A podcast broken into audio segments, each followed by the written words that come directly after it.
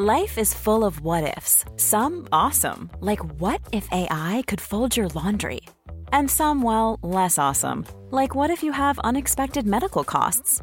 United Healthcare can help get you covered with Health Protector Guard fixed indemnity insurance plans. They supplement your primary plan to help you manage out of pocket costs. No deductibles, no enrollment periods, and especially no more what ifs. Visit uh1.com to find the Health Protector Guard plan for you.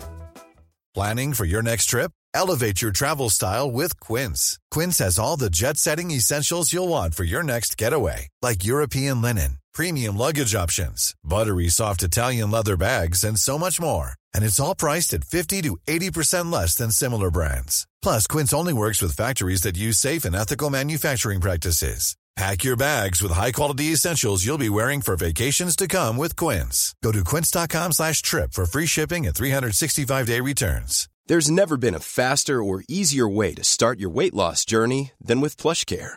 PlushCare accepts most insurance plans and gives you online access to board-certified physicians who can prescribe FDA-approved weight loss medications like Wigovi and Zepbound for those who qualify. Take charge of your health and speak with a board-certified physician about a weight loss plan that's right for you. Get started today at plushcare.com slash weight loss. That's plushcare.com slash weight loss. plushcare.com slash weight loss.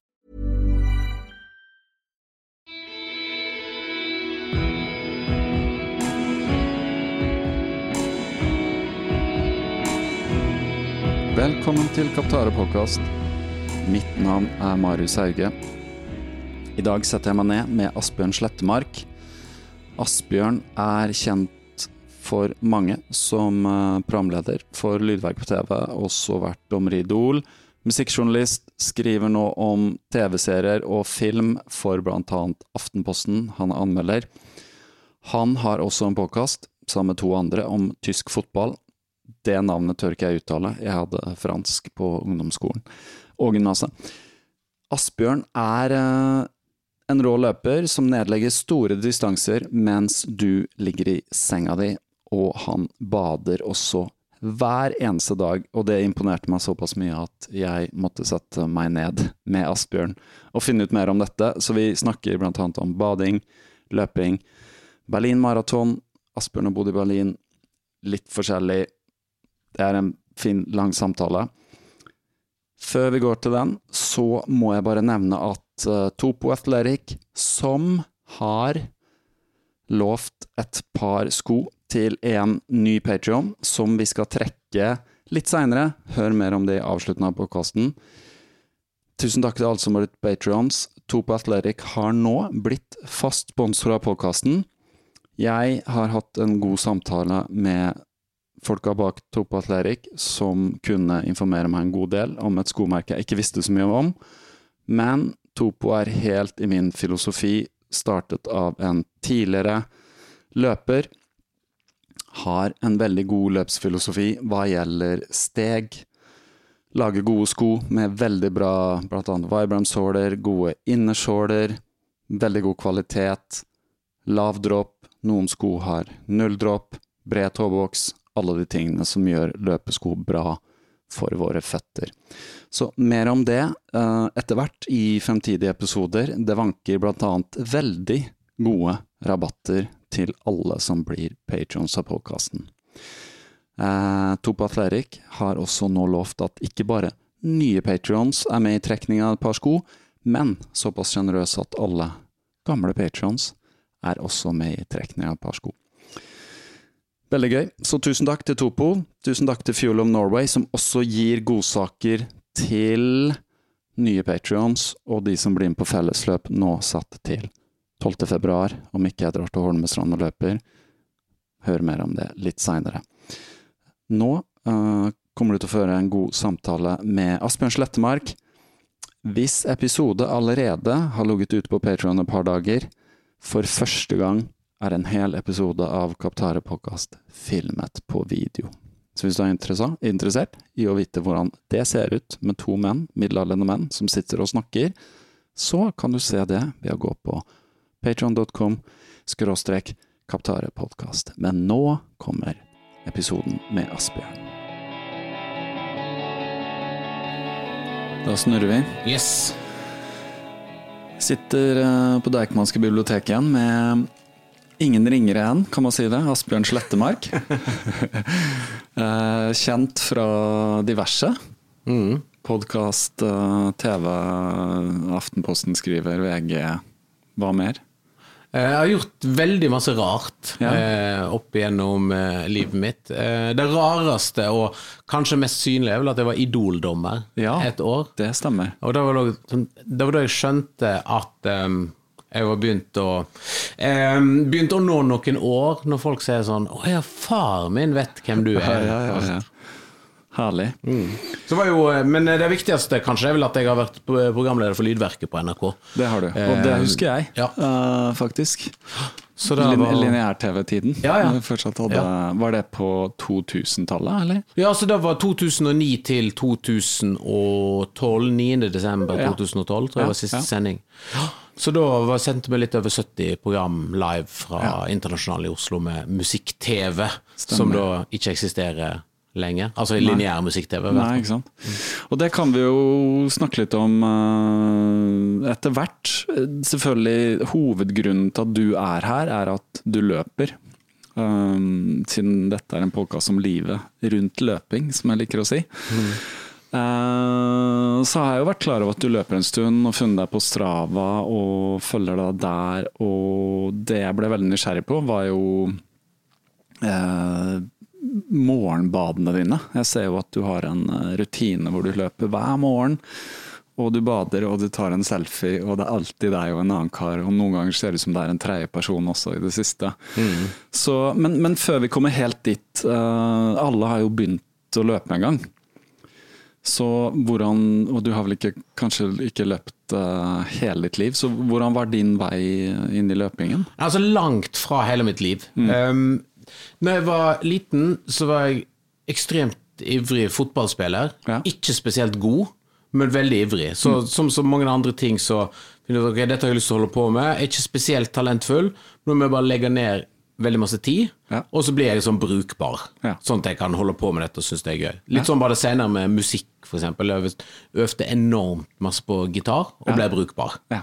Eh, Men eh, så da jeg spilte fotball, litt, så husker jeg jeg hadde enormt dårlig kondis. Mm. Og løping generelt. Så jeg var liksom Jeg var en, jeg var en god høyreback. Mm. For jeg kunne liksom Jeg var, var ganske god på sklitaklinger på grus. Mm -hmm. um, På grus, ja. ja. Jeg spilte jo på grus i gamle dager, så jeg har, uh, har skrapt opp uh, lårene mine og andre sine uh, noen ganger. Så jeg hus har faktisk noen sånn tilnærmet traumatiske minner av når vi ble kasta ut på sånne løpe, løpetrening Mm. på, når vi var sånn 11 år, 12 år, på fotballtrening og av en sånn streng, sint fotballtrener. Og så var jeg alltid sist. Og liksom bare, jeg skjønte ikke hvorfor jeg er så dritdårlig på dette her. Mm. Men så på et eller annet tidspunkt så slutta jeg på fotball, og holdt vel generelt på med ganske lite idrett. Mm. Eh, gjennom store deler av eh, på en måte 20-årene og 30-årene. Um, brukte veldig masse tid på jobbing. Er jo frilanser, altså som journalist. Jobbing eh, kombinert med, og, med masse festing. Å gå på jobb, eh, altså gå på, på byen i jobben. Altså Jobben min har jo alltid kryssa litt over med å være masse på byen. Og liksom, gjennom sommersesongen så er det kanskje Når jeg var musikkjournalist, 28 festivaler. Um, og da er jo festivaler er jo moro og gøy. Jeg Har liksom, og, og kombinerte det veldig lenge. På et eller annet tidspunkt så merka jeg at jeg var i dårligere form enn hva jeg egentlig var komfortabel med. Både sånn vektmessig, men også følelsen i kroppen. Så da begynte jeg å sette meg et mål om at jeg fikk jeg også beskjed fra legen at nå, nå må du må ta, ta litt tak her. Noen verdier her som ikke ser bra ut. Sånn, og, så i, I ferd med å få sånn livsstildiabetes og Ja, ja. alt det. Når, når var dette? Ja, Da snakker vi 2007-2008. Ja. Og da satte jeg meg et mål. Jeg husker ikke hvorfor, men på det tidspunktet var jeg begynt å liksom tenke at liksom, å gå i fjellet det er noe for meg. Det, er liksom, det, det kler meg. Da tenkte jeg ikke på jogging i det hele tatt. Så jeg gikk litt i sånn norske fjell, og så satte jeg meg et sånn langsiktig mål at jeg skulle stå på toppen av Kilimanjaro. Og så meldte meg på en tur til Kilimanjaro med Jarle Traa. Eh, fantastisk firma som anbefaler veldig til den typen sånn mosjonist, litt sånn ambisiøse mosjonisttur. Eh, og da brukte jeg to år på sånn forsiktig å komme meg i sånn fjellform til. Og så sto jeg på toppen av Kilimanjaro januar 2010. Ja. Med, med å gå i tur i fjellet, Vestland og Ja. litt her og litt Ja, der? masse, liksom? masse i, ja, altså, også i marka. Altså Ja, bare ja, ja. gå langt. Ja, og når jeg kommer tilbake, så har jeg liksom fortsatt en del sånn med å gå litt sånn lange fjellturer. Var en del nede i Malaysia. Ja. Og gikk på, på fjelltur og vurderte den Aconcagua, altså den største, høyeste i Argentina. Mhm. Det er litt, sånn, litt mer ambisiøst prosjekt enn Kilimanjaro, som er jo ca. 6000. da. Um, men um, uansett um, Så begynte jeg på et eller annet tidspunkt å, å tenke at kanskje jeg skal begynne å løpe litt, for å fortsette. Da jeg følte meg i mye bedre form. Begynte jeg å løpe litt sånn 2000 ja, Rundt da, kanskje. 2010. 11-ish, noe sånt. Så det var under den lydverkeperioden som Ja. nettopp har nevnt? Ja. Ja, og da var det veldig sånn, husker jeg, da bodde jeg i Hegdøysveien, så springer jeg opp til Frognerparken og tilbake, sånn tre-fire kilometer, og følte meg liksom, jeg husker fremdeles første gang jeg var sånn veldig fornøyd med å ha sprunget fem kilometer uten å måtte stoppe. Um, og så har det egentlig bare, det, og det som, jeg, regner, det, jeg har aldri gjort noe, som med så mange andre ting i livet, så jeg gjør veldig sjelden sånn skippertak. Jeg på en måte gjør ting litt sånn, over, bruker god tid på ting. Så, så lenge lå jeg på sånn 50 km i måneden, og så begynte det liksom å utvikle seg, og så ja, kanskje liksom en vill drøm om å springe 100 km på en måned. Ikke at jeg skal gjøre det hver måned, men bare én måned. ja, teste det. Skal ja. Og så gjorde jeg det. Um, og så altså, Det var ikke noe sånn at jeg bestemte meg for det, men bare begynte å springe følte meg veldig vel med. Hadde, hadde du noen referanser innen løping? Hadde du noen venner som gjorde det, eller så du på noen andre? Eller tenk, hadde du Jeg hadde, liksom- noen, jeg hadde noen naboer, Ja. venner, naboer som jeg sprang med, Snorre og Vidar, som faktisk da Vidar Landa i, i Kvelertak, eh, som var naboen min, også, som jeg sprang en del med. Og så egentlig bare eh, Jeg sprang en del med dem, men så flytta familien vår til Berlin i 2016. Um, og da eh, da, es, da eskalerte løpinga, da. Da begynte, kom jeg ganske kjapt opp i 200 km i måneden. Eh, og så eskalerte jeg egentlig videre derfra. For det som skjedde da, var at vi, av en sånn, en sånn rar greie i Berlin, så har du du, det er veldig vanskelig å få tak i barnehageplass. Så vi hadde en liten gutt som skulle i barnehage, eh, og så fikk vi en sånn barnehage. Først så bodde vi sju kilometer unna, og så var det min oppgave å levere og hente. Så da fant jeg ut at jeg kan ikke liksom bare ned og levere han, og så sette meg på banen og så sitte og trykke på mobilen tilbake sånn. Jeg tar og gjør det til dagens faste springetur.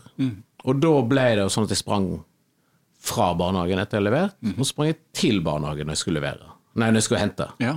Så ble det 14 km om dagen. Ja, det er en del. To turer. Ja. Og så flytta vi, Ehm, og da var vi plutselig 10 km unna. Oi. Og så fortsatte jeg med det. Da sprang jeg ikke, ikke to ganger om dagen, men da, da kom jeg kjapt opp i 300 km i, Ja, ja. Det blir ti om dagen. Ja. ja, ja. i 300 km i, i måneden. Da. Ja. Fordelt på mandag til fredag. Springer veldig sjelden i helgen. Så over liksom hvor mange år tok det fra du da løp i fem med Frognerparken og kom opp til 300? da? Ti år. Ti år? Ja. ja, ja. Uh, kunne nok sikkert gjort det Mm. raskere og sånt, men uh, da, det føles veldig riktig ja. Eh, for meg. Sakte stein på stein. Uh. Ja, og så fordelen med at jeg har jo Altså, jeg har vært skada, men det er pga. at jeg har falt når jeg har vært full. Ok. Um, Men I løpeperioden, eller liksom før? Ja, det det er altså i, i, ja. i løpeperioden. Jeg har aldri vært skada på de ti årene. Bank i bordet. Jeg har ingen slitasjeskader, ingen problemer med ledd eller kne eller hofte eller, eller noe som helst. Da, uten at jeg er lege, så tenker jeg at det har nok noe med å gjøre at jeg, jeg har aldri pusha meg sjøl Nei. Utenfor den eh, komfortable Mm. eh, løpesonen. Men du har flytta komfortsonen, da, kan du si. Ja, ja, Ganske bra. ja, ja, sakte og forsiktig. Og så det er sånn, når plutselig Når du har nødd 250 km en måned, så er det sånn Mm. Ok, og dette kommer jeg aldri til å klare igjen, men så klarer du plutselig 250 km neste måned. Mm. Og så på et eller annet tidspunkt også, så blir det jo naturlig. Mm. For når du, er du plutselig på 258 Mm. en måned. mm. tenkte du ja, men 300 er ikke så langt unna, jeg prøver på det. Mm. Og så er det det som blir standarden. da. Så nå er det vel da, da. Altså 300 i måneden, som Ja, er ganske jevnt. Og det handler om at du gjør det hver dag, mer eller mindre. Ja. Uh, I ukedagene i hvert fall, ser det ut som. Ja, altså nå Jeg prøver å springe eh, kun mandag til fredag, og hviler på lørdag og, og søndag. Så da må jeg ha inn 70 km da, Ja. mandag til fredag. Ja, så da må du ha tolv om dagen mer, nesten. Ja. Ok, så kult. Ja. Nei, men det, det høres ut som det er litt sånn som meg som har brukt lang tid på å bygge. Men har du um, Vi snakka litt før vi begynte her om uh, løp.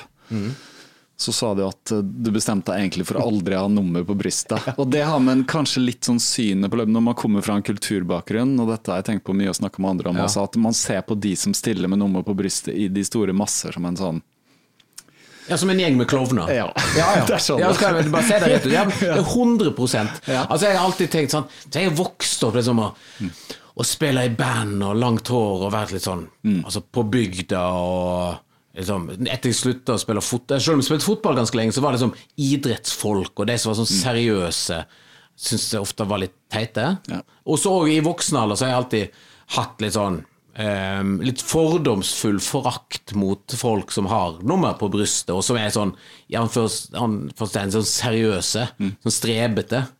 Um, så, men da må, måtte jeg spise i meg, for det, det som skjedde da vi flytta til Berlin, så tenkte jeg at ok, det er x antall ting jeg skal gjøre når jeg er i Berlin. Altså det skal vi være her i fire år. Uh, skal oppleve de og de restaurantene, de og de kneipene. Jeg skal på Hertha Berlin-kamp, jeg skal på Union Berlin-kamp, vi skal på den og den bunkerturen. Altså masse ting. Og plutselig når vi bodde i Tyskland, så du skal besøke München og Dresden og Leipzig og Roro-området osv. Og, så og så tenkte jeg, når jeg bor i denne byen her, så må jeg jo springe Berlin Marathon. Et av verdens mest kjente maraton. Ja, og som òg et, et løp som altså Du får alltid kjøpt deg et startnummer der, men å f- bli trukket ut i loddtrekningen For jeg ikke- hadde jo ville aldri vært i nærheten av å kunne kvalifisere meg. På tiden, nei. Eh, men å bli trukket ut i loddtrekningen er jo vanskelig. Men når du har postadresse i Berlin, så har du mye større sjanse i, Du blir forfordelt i eh, Eller du blir fordelt i eh, i loddtrekningen. Så jeg fikk jo auto, jeg fikk automatisk plass i eh, Berlin Marathon. Meldte meg på og var litt sånn Shit, da tror jeg vel på det tidspunktet Jeg tror, lurer på hadde, Jeg hadde kanskje sprunget en halvmaraton før da. Men da meldte jeg meg i hvert fall på der. Sprang òg Berlin halvmaraton.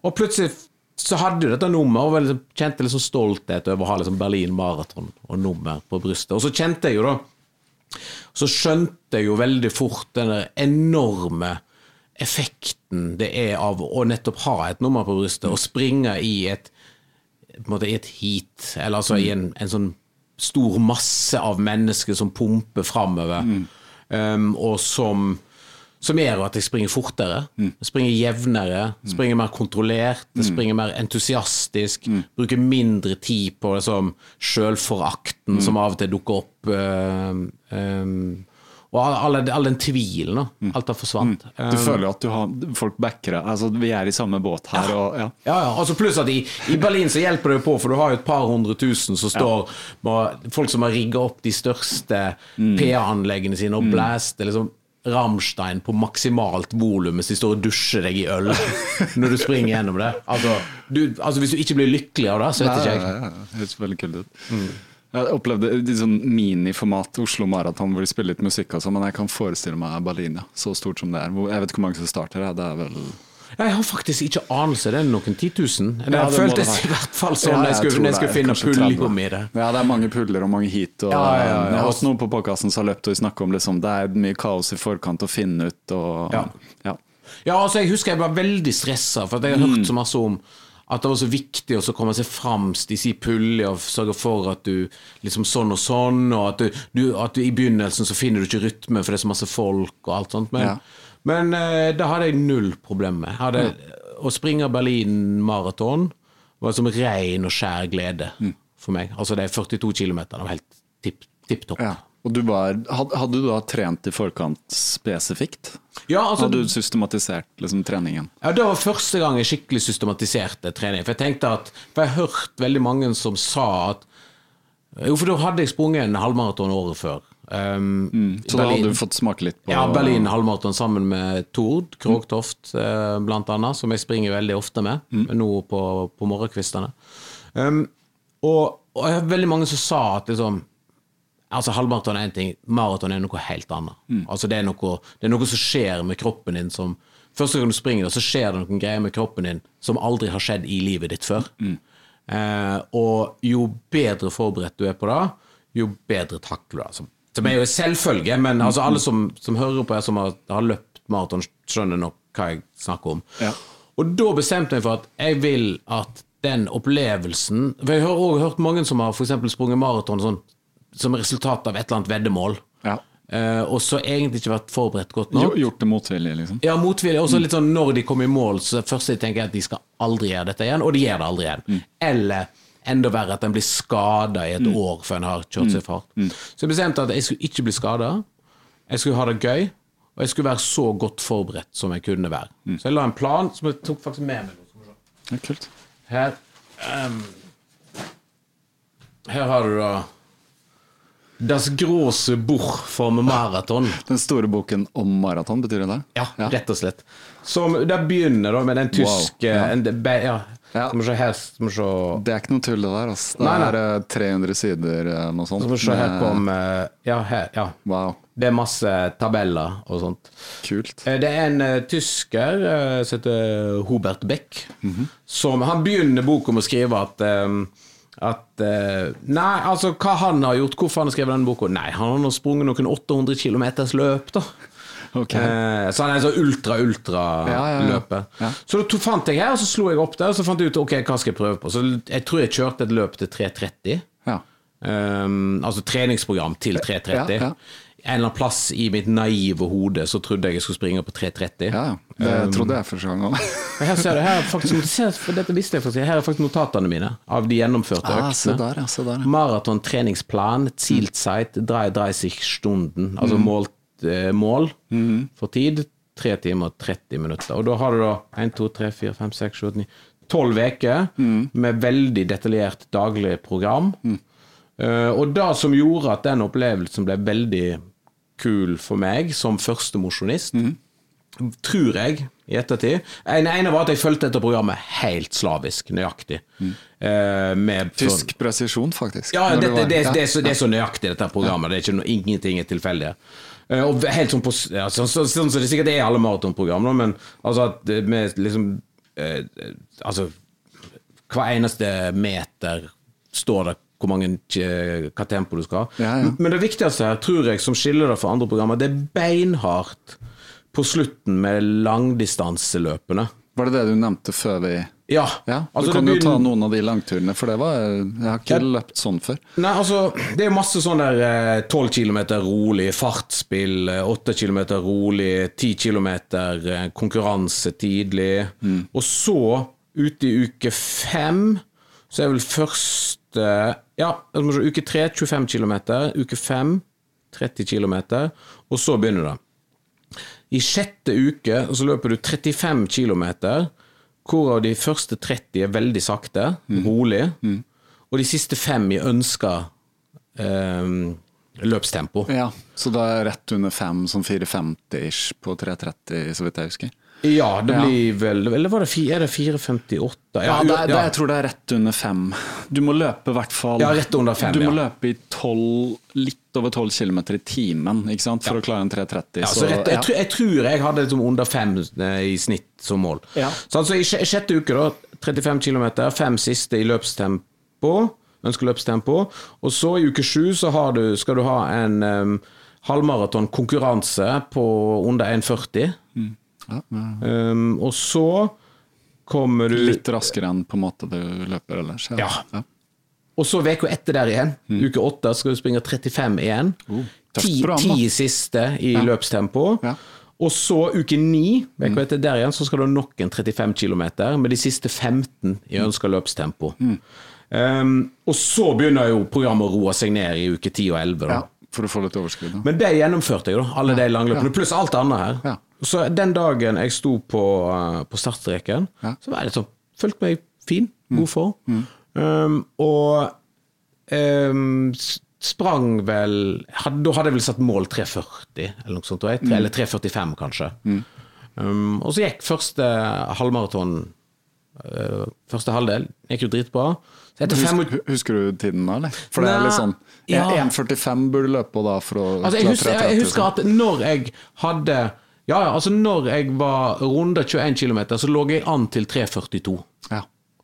Uh, husker jeg på Mm. I hvert fall, jeg, for jeg rekner hele tida når jeg løper. Og, sånt. og så um, Etter 25 km, så bare, uten at jeg merka det sjøl, men så bare hørte jeg på øra Mm. eh, fra Stravaen at kilometertida mi var gått ned, altså blitt saktere. Oh, ja, okay, uten at jeg hadde- egentlig hadde merka det. Jeg hadde sånn kilometertid på Ah, som snakket til deg? Ja, Ja, altså det på, har du prøvd.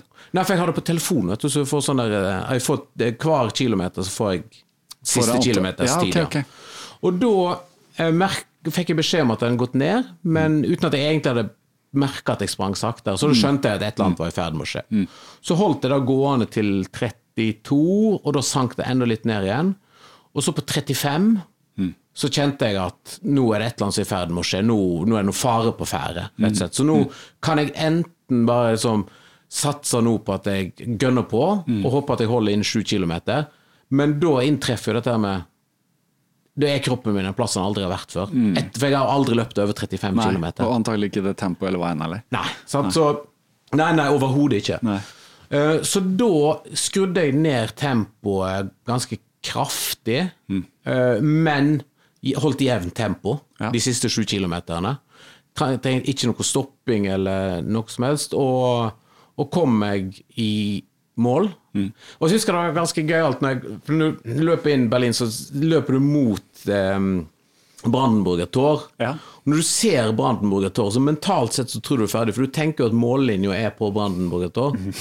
Men den er jo 300-400 meter bak der igjen. Oh, ja. Så da får du en sånn liten smell. Men så tenkte jeg ok, nå er det 400 meter igjen her, og folk står og jubler, det er helt vill stemning. Um, nå, nå, skal jeg, liksom- nå skal jeg sprinte over mållinja. Og så tar jeg tre ordentlig saftige drag. Og så kjennes det ut som noen kaster to fiskekroker og hiver i leggene mine og napper meg bak igjen. Så skjønner jeg ok, her må jeg bare sitte helt stille i båten. Ja, ja. For nå har jeg lyst til å komme over mållinja med litt, sånn, litt verdighet. Eh, og det gjorde jeg. Så da bare, ok, bare cruiser jeg inn der. Ikke noe spurt i det hele tatt. Og så kom jeg inn på 3.55. ja. Som jeg var til slutt um, Selv om på dagen så var jeg 3.45-målet, ja. men jeg bare helt megafornøyd over at, at jeg Faktisk veldig fornøyd med at jeg gjennomførte planen sånn noenlunde. da. Ja, ja. Det der høres Det er ganske likt min første maraton nå, som var i Bergen. Uh, Den er hakket seigere ja, ja, ja. enn en koselige, flate Berlin. Den er tøff, så jeg hadde også trent uh, systematisk lenge, og det jeg snakka om på påkassen før, fins til og med en egen episode om det der, tror jeg. Men for å gjøre en lang historie kort, så kom jeg til 30 og noe, hvor det er på toppen og liksom løpt opp mot Fløyen der og sånn. Ja. Og så var det tomt, vet du. Ja. Så ikke helt likt deg. Jeg, jeg banka liksom på de siste, så jeg, jeg brukte jo kjempelang tid på siste ti. ikke sant? Det var Ja. bare å gråte når jeg kom i mål. og, og, helt verdighet. Ingen verdighet igjen.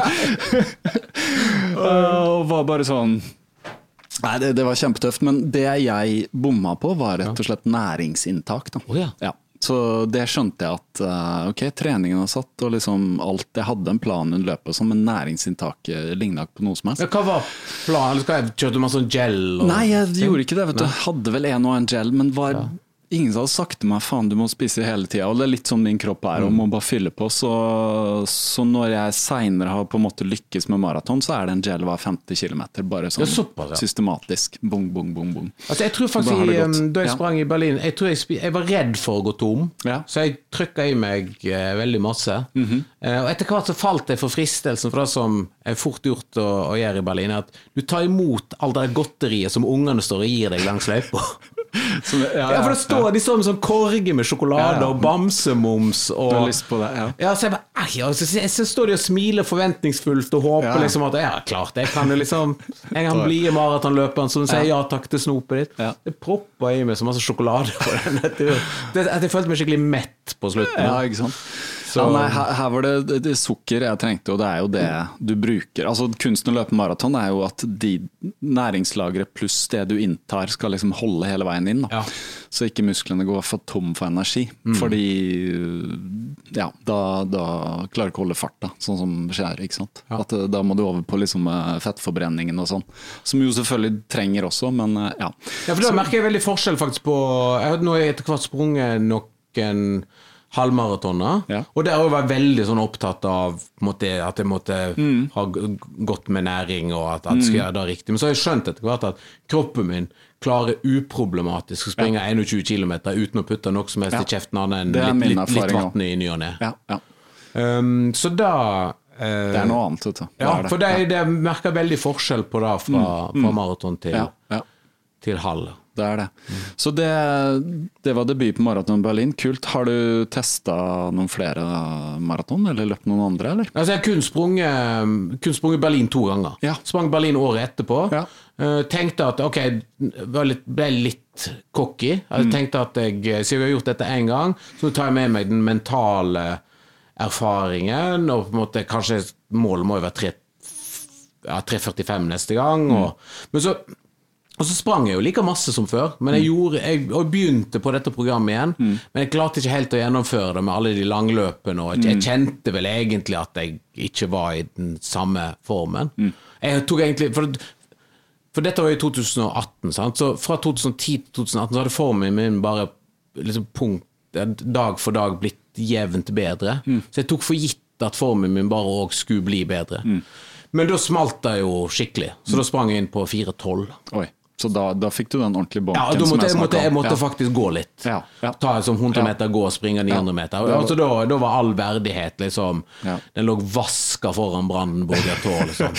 Rett er- ut med kloakken. Det er det bare en selv som føler på. Vet du. Det er jo ingen andre som altså, ser noen gå i maraton, så tenker du ikke shame on you. Nei, nei, er nei, sånn er det, liksom. Så. Så, men det er jo en, er jo en, en lærepenge, da. Så, det- så skulle jeg jo springe da 2020, som selvfølgelig ble Avlyst. Ja. Ja. For da er du tilbake i Oslo etter uh, noen år i Berlin.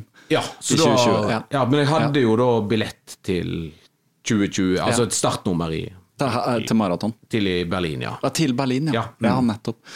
Fordi det ble avlyst selvfølgelig i 2020, og i fjor Jeg ble avlyst og, eller utsatt, da. Så jeg hadde jo den 2020-billetten. ja. Mens den har jeg glemte å fornye den, så jeg fikk jo pengene tilbake Ja. for den. Så jeg hadde jo da ikke nummer til 2021, og så ble vel den òg utsatt.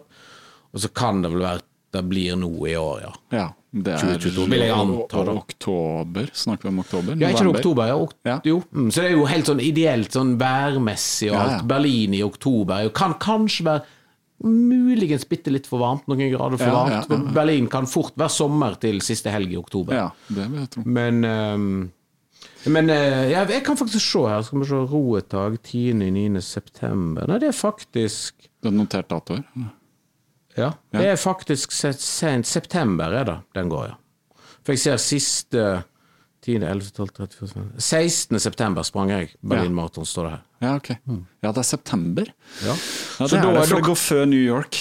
Mm. Ja. Ja, Men fantastisk ja. opplevelse. Anbefaler på det, på det varmeste. Det er en veldig kul og enkel løype. Jeg hadde jo måtte sprunget den veldig masse før jeg sprang maraton. Den er flat, ja. Ja, ja, altså den er så flat. Og folk snakker om at det er en eller annen plass det er en liten bakke du ikke merker, Ja. men så er det sånn, nei, det er ikke det. Er ikke Berlin den løypa hvor det har blitt satt på en måte offisiell verdensrekord? Jo, altså da når jeg sprang i 2019, så ble 202. jo uh, Ja. det er satt verdensrekord. Og da var Ja. vel den femte gang på rad at verdensrekorden ble satt i Berlin. Den ligger på 2.02 og noen sekunder, uten at jeg husker. Ja, ikke sant? Og han sprang Da husker jeg når jeg var halvveis i løpet mitt, så sto folk og holdt opp plakater med verdens, ny verdensrekordtid. Wow. Ja, kult. Og det er jo litt sånn Jeg er jo glad i måte, historisk sus. Og selv om ikke det hjalp meg da når jeg liksom kom tuslende over Brandenburger Torg på 412 der, eh, så er det en god følelse å være del av noe som folk husker. Ja, ja. Men eh, du kommer til å løpe igjen? Eller du ser det for deg? Ja, blir, eh, Maraton, ja, helt ja, klart. Ja, ja, på et eller annet tidspunkt. ja, ja. Definitivt. Nå er jeg jo blitt veldig glad i halvmaraton. Sprunget Berlin en del ganger. Mhm. Sprunget eh, mm, Ja, det, det de kaller for generalprøve i Berlin, Ja, som er litt lenger sør i Berlin. Som en sånn halvmaraton som er lagt inn for de som skal springe maraton. Altså om du har en konkurransehalvmaraton i Mm. Ja, programmet ditt. Seks uker før, eller noe sånt. Ja. Ja, ja. Som se her, ja, ja 1, 2, 3, 4, 5 uker før, ja. Ja. Halvmaraton. Den sprang jeg på 1,40,47, husker jeg. Mhm. Så, um, men, eh, så den har jeg sprunget et par ganger. Og så har vi en veldig kul, veldig uoffisiell halvmaraton ute på ei av øyene ute i Oslofjorden. Aha. For vi har hytte ute på en plass etter Nakkholmen. Ja, rett her ute i Ja, jeg har de hytteøyene der ute. Ja, ja. Og Nakkholm er den minste av øyene, tror jeg. Kanskje sammen med Bleikøya. Men der har vi en halvmaraton. Okay. Og da Rundt og rundt? Ja. Ja. Så jeg lurer på om det er 17,5 ganger rundt øya. Wow. Som er sånn Og da sitter som alle hytteeierne sitter der på, på formiddagen og drikker litt pils og kose seg og ringe bjella hver gang du springer forbi butikken, som er målområdet. Og så er det jo midt i juli, så er det jo steikende varmt. Altid, ja. Ja. Eh, Men den er, den er veldig trivelig. Men er det et offisielt løp, eller Nei, er det bare sånn? nei, nei, det er veldig, det er veldig lokalt. Men det er, det er liksom med, med startnummer. Ja, ja, ja. Det var noen som fant noe, en sånn haug med gamle startnummer fra et eller annet løp i Oslo på 70-tallet, som en da gjenbruker. gjenbruk. Og så lager den lokale ølgruppa brygger noe lokalt øl, og noen steker pølser. Det er skikkelig sånn god eh, lokal feeling på det. Så gøy, ja. Midt i juli. Men har du noen andre halvmaraton planlagt, sånn på vårparten nå, eller? Jeg skal springe Berlin igjen nå i april. Ja, Hvis for de det har et offisielt Berlin halvmaraton i april. Ja, det er Da, ja, da jeg har sprunget to eller tre ganger før. Mm. Som òg er veldig kult. Veldig fin, Ja. rund eh, Altså flat løype uten noe særlig med Ja. svinger. Og så er det et annet løp som jeg kan anbefale. Eh, Hvis folk har lyst til å dra til Berlin for å ta seg en både heisatur og, og kose seg og sånt, Mm. så er det et løp som heter Big 25. I Berlin? Ja, som er et 25 km løp. Som òg har litt sånn historisk sus over seg. Um, Må ta for, lenke til ja. ja, for det er, er da mm, 25, ja. ja, som er et vel, velferdsløp som de franske styrkene som var plassert Altså den franske sektoren i Vest-Berlin. Ja. Eh, Der var det masse soldater, og de arrangerte et løp eh, rundt i Berlin. um, for da var det jo franske og engelske og, Ja. og britiske styrker som hadde forskjellige sektorer i Berlin. Stemmer det. Og franskmenn arrangerte dette løpet, Big 25, som går rundt om i Berlin og gjennom byen. og det er sånn Masse av det samme som eh, maraton. Men det, avslutningen på det er helt fantastisk. For det som skjer, er at eh, du begynner jo løpet oppe med Olympiastadion. At den der eh, fantastiske, gigantiske stadion som, som Hitler fikk uh, opprusta til sitt 1936-OL, hvor Ja. Ingebrigtsen-brødrene har vunnet EM-gull, og og hvor Zidane nikka ned en italiener og ble utvist i VM-finale, Ah, ja. Champions League-finale har vært Ja, der. Og, Historisk. Og, ja, og Hertha Berlin spiller hjemmekampene sine.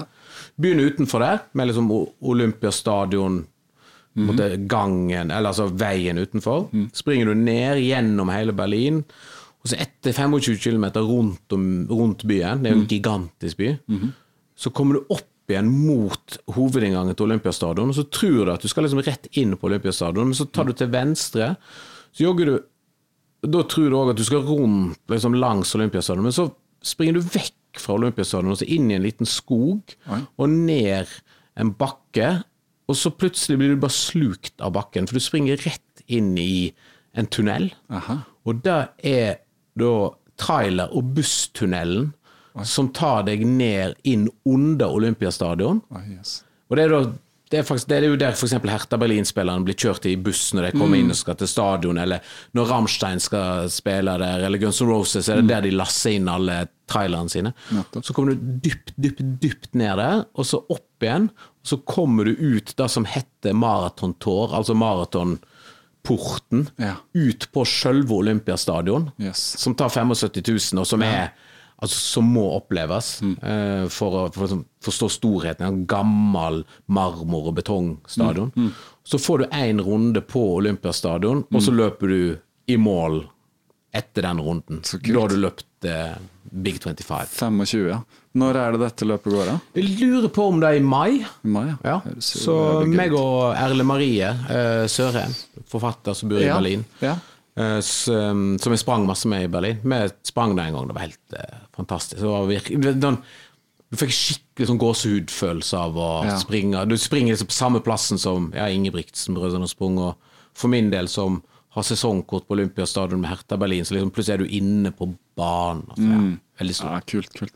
Ja, det, jeg skal prøve å huske å linke til det også. Uh, og en eller annen gang, kanskje løpe. Ja, ja. Berlin er en veldig kul by. Jeg tenker på, Har jeg vært der en eller to ganger? Jeg har fått vært der. Uh, begynner å bli en stund siden nå, men uh, fantastisk by, da.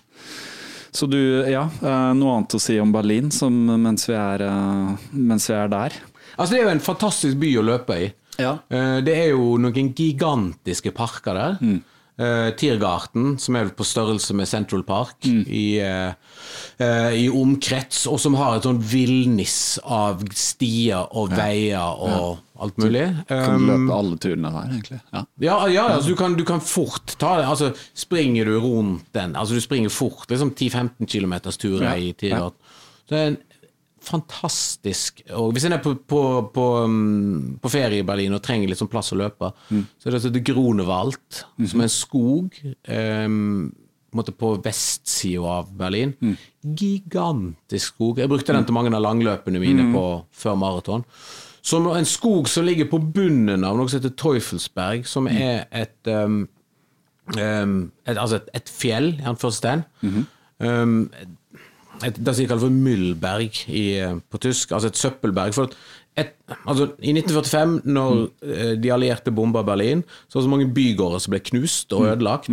Og de hadde, visste ikke hvor de skulle gjøre av alt, på en måte stein og grus og dritt og, Alt. ruinene. ja.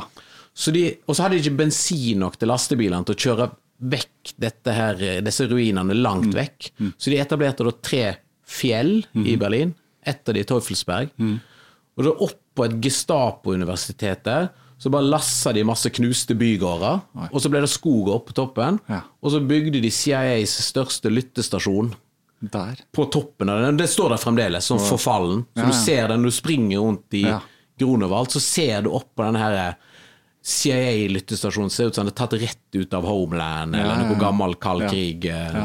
Det er veldig fint. Du må Kult. bare passe på at du ikke springer ned alle de tyske nudistene, som òg sprader rundt i sin glade prakt der. Det er en nudistpark, liksom? I, Nei, altså, Tyskland er jo en nudistpark. Ja. altså, Ok. eh, men Gronewald kanskje enda litt, eh, litt ekstra, Ja, ja. ja. Så, Wow. de går gjerne i, eh, går i, i skinnskoene sine, Ja. og ingenting annet. Wow. det har jeg faktisk ikke tenkt på, men det er, tyskerne er eh, på en måte litt ekshibisjonistisk. De er, veldig, de er ofte, veldig mange av de er veldig ofte nakne. Ja. Mm. Jøss. det ble du vant til på de åra. Ja, ja. ja nesten i hvert fall. Ja. Ja, ja, ja. Det er sprøtt. For vi i Norge som liksom knapt aldri er naken, holdt på å si Nei, nei, men, men, men, men vi er veldig glad i å gå i de, de teiteste treningsklærne som Ja, ja, viser ja. fram egentlig absolutt alt. Ja, ja, ja. Men å gå helt naken, helt uaktuelt. Ja, ikke sant. Ja, det er sant. det er sant. Mm. Sånn er det i Norge. Nei, men Kult. Eh, Berlin er, eh, Berlin er morsomt. Og selvfølgelig mye bra øl. eh, Og mat for de som liker sånn tysk, tysk mat. Ja, det, det, er fort, det er ikke noe problem å fylle på med karbohydrater etter, etter en maraton. Nei, eller alt, egentlig. Kalorier generelt. Nei, men Så kult. Vi kan jo komme litt til Du snakka om rutiner og mestring, og vi kan ta det inn med morgenbad og sånn. da. Fordi at Fortell litt om det. For at det er det liksom jeg som følger på Strava, ser det der Jeg vet ikke om jeg kom over det, plutselig sånn rutinemessig hver dag så ser du deg eh, løper ut klokka seks om morgenen.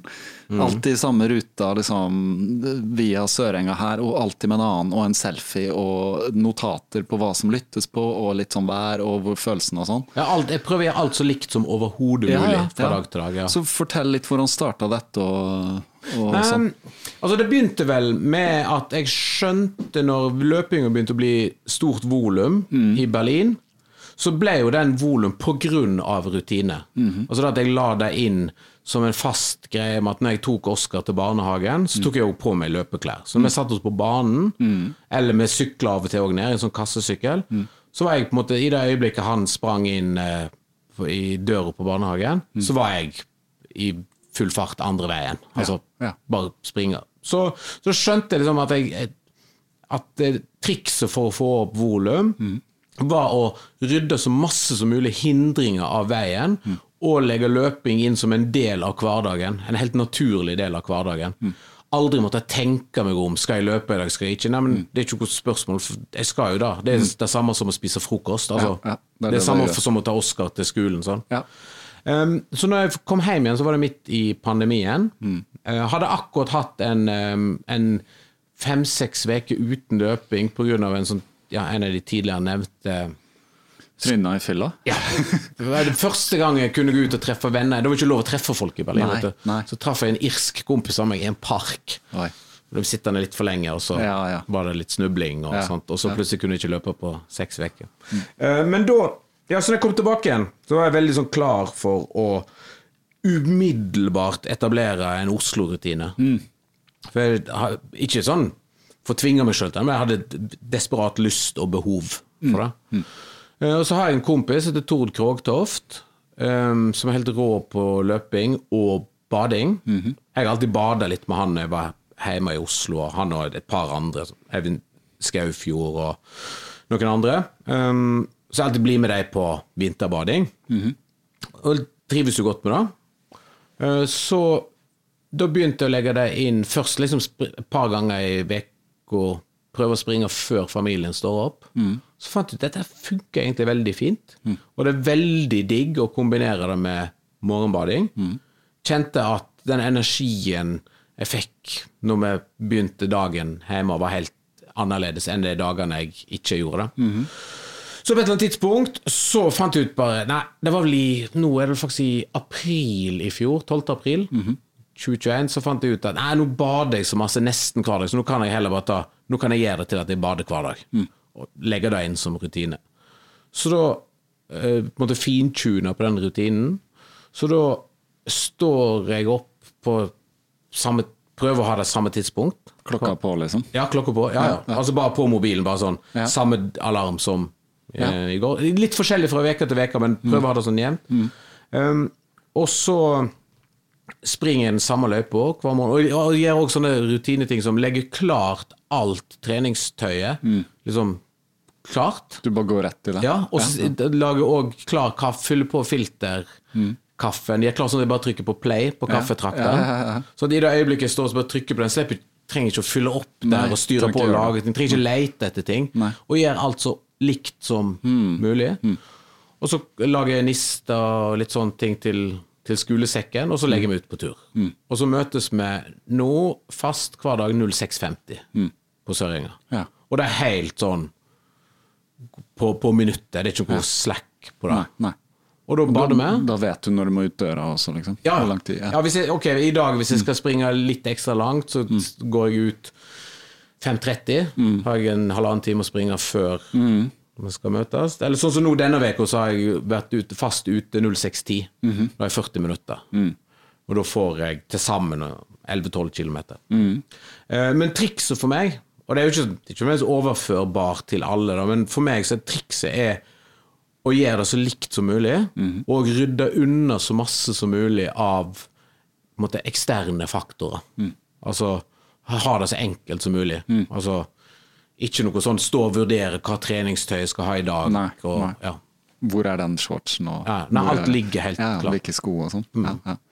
Så da, hvordan gjør du det? Du tar um, badeshorts under en annen shorts? Ja. Eller, ja, det Altså, jeg jeg, sånn. jeg springer ut i badeshorts, og så på meg ei bukse. da. Og så har jeg med meg en bokser. ja.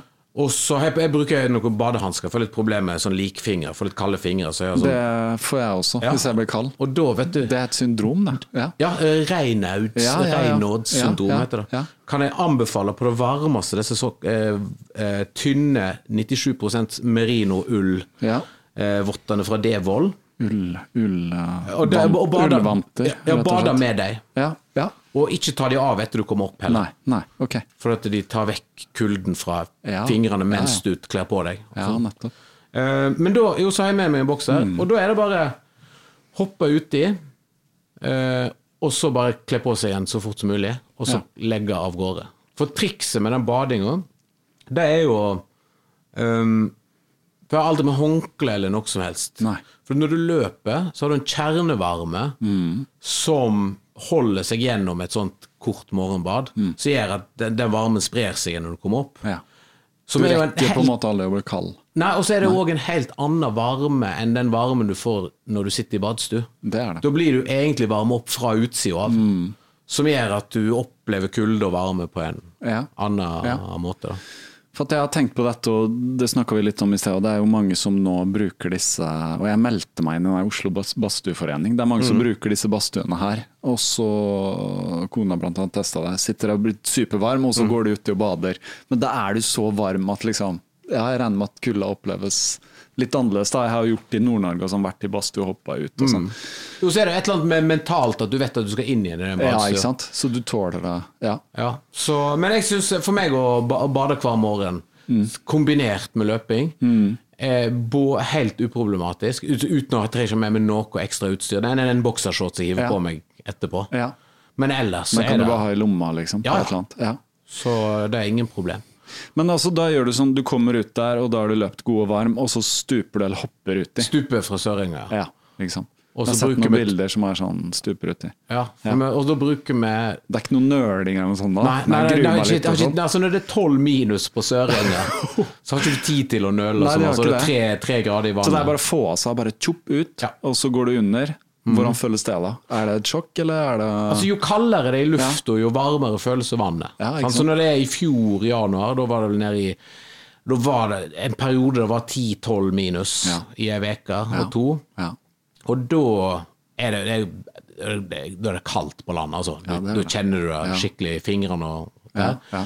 Men da føles jo vannet som fløyel. Ja. Da har du ikke lyst til å gå opp igjen Nei, fra ikke sant, for det det er- 3-4 graders vannet. Ja, Ja, det er noen pluss, liksom. Har det det er 14 grader forskjell. Liksom. ja, ja. Men har det vært is? Har du sett is? Har det vært noe is der? Ja, det er, en, det er av og til is på Sørenga. Nå, Det var faktisk i går, så måtte vi bryte litt eh, is. Ja, for du kan ikke bare stupe ut i Nei, jeg har, har, eh, har hatt et par episoder der jeg har måttet skåre meg litt opp på oh, ja, Altså Det er ikke verre enn altså, det, er- et tynt lag, Ja, ja, så du kommer deg jo gjennom det.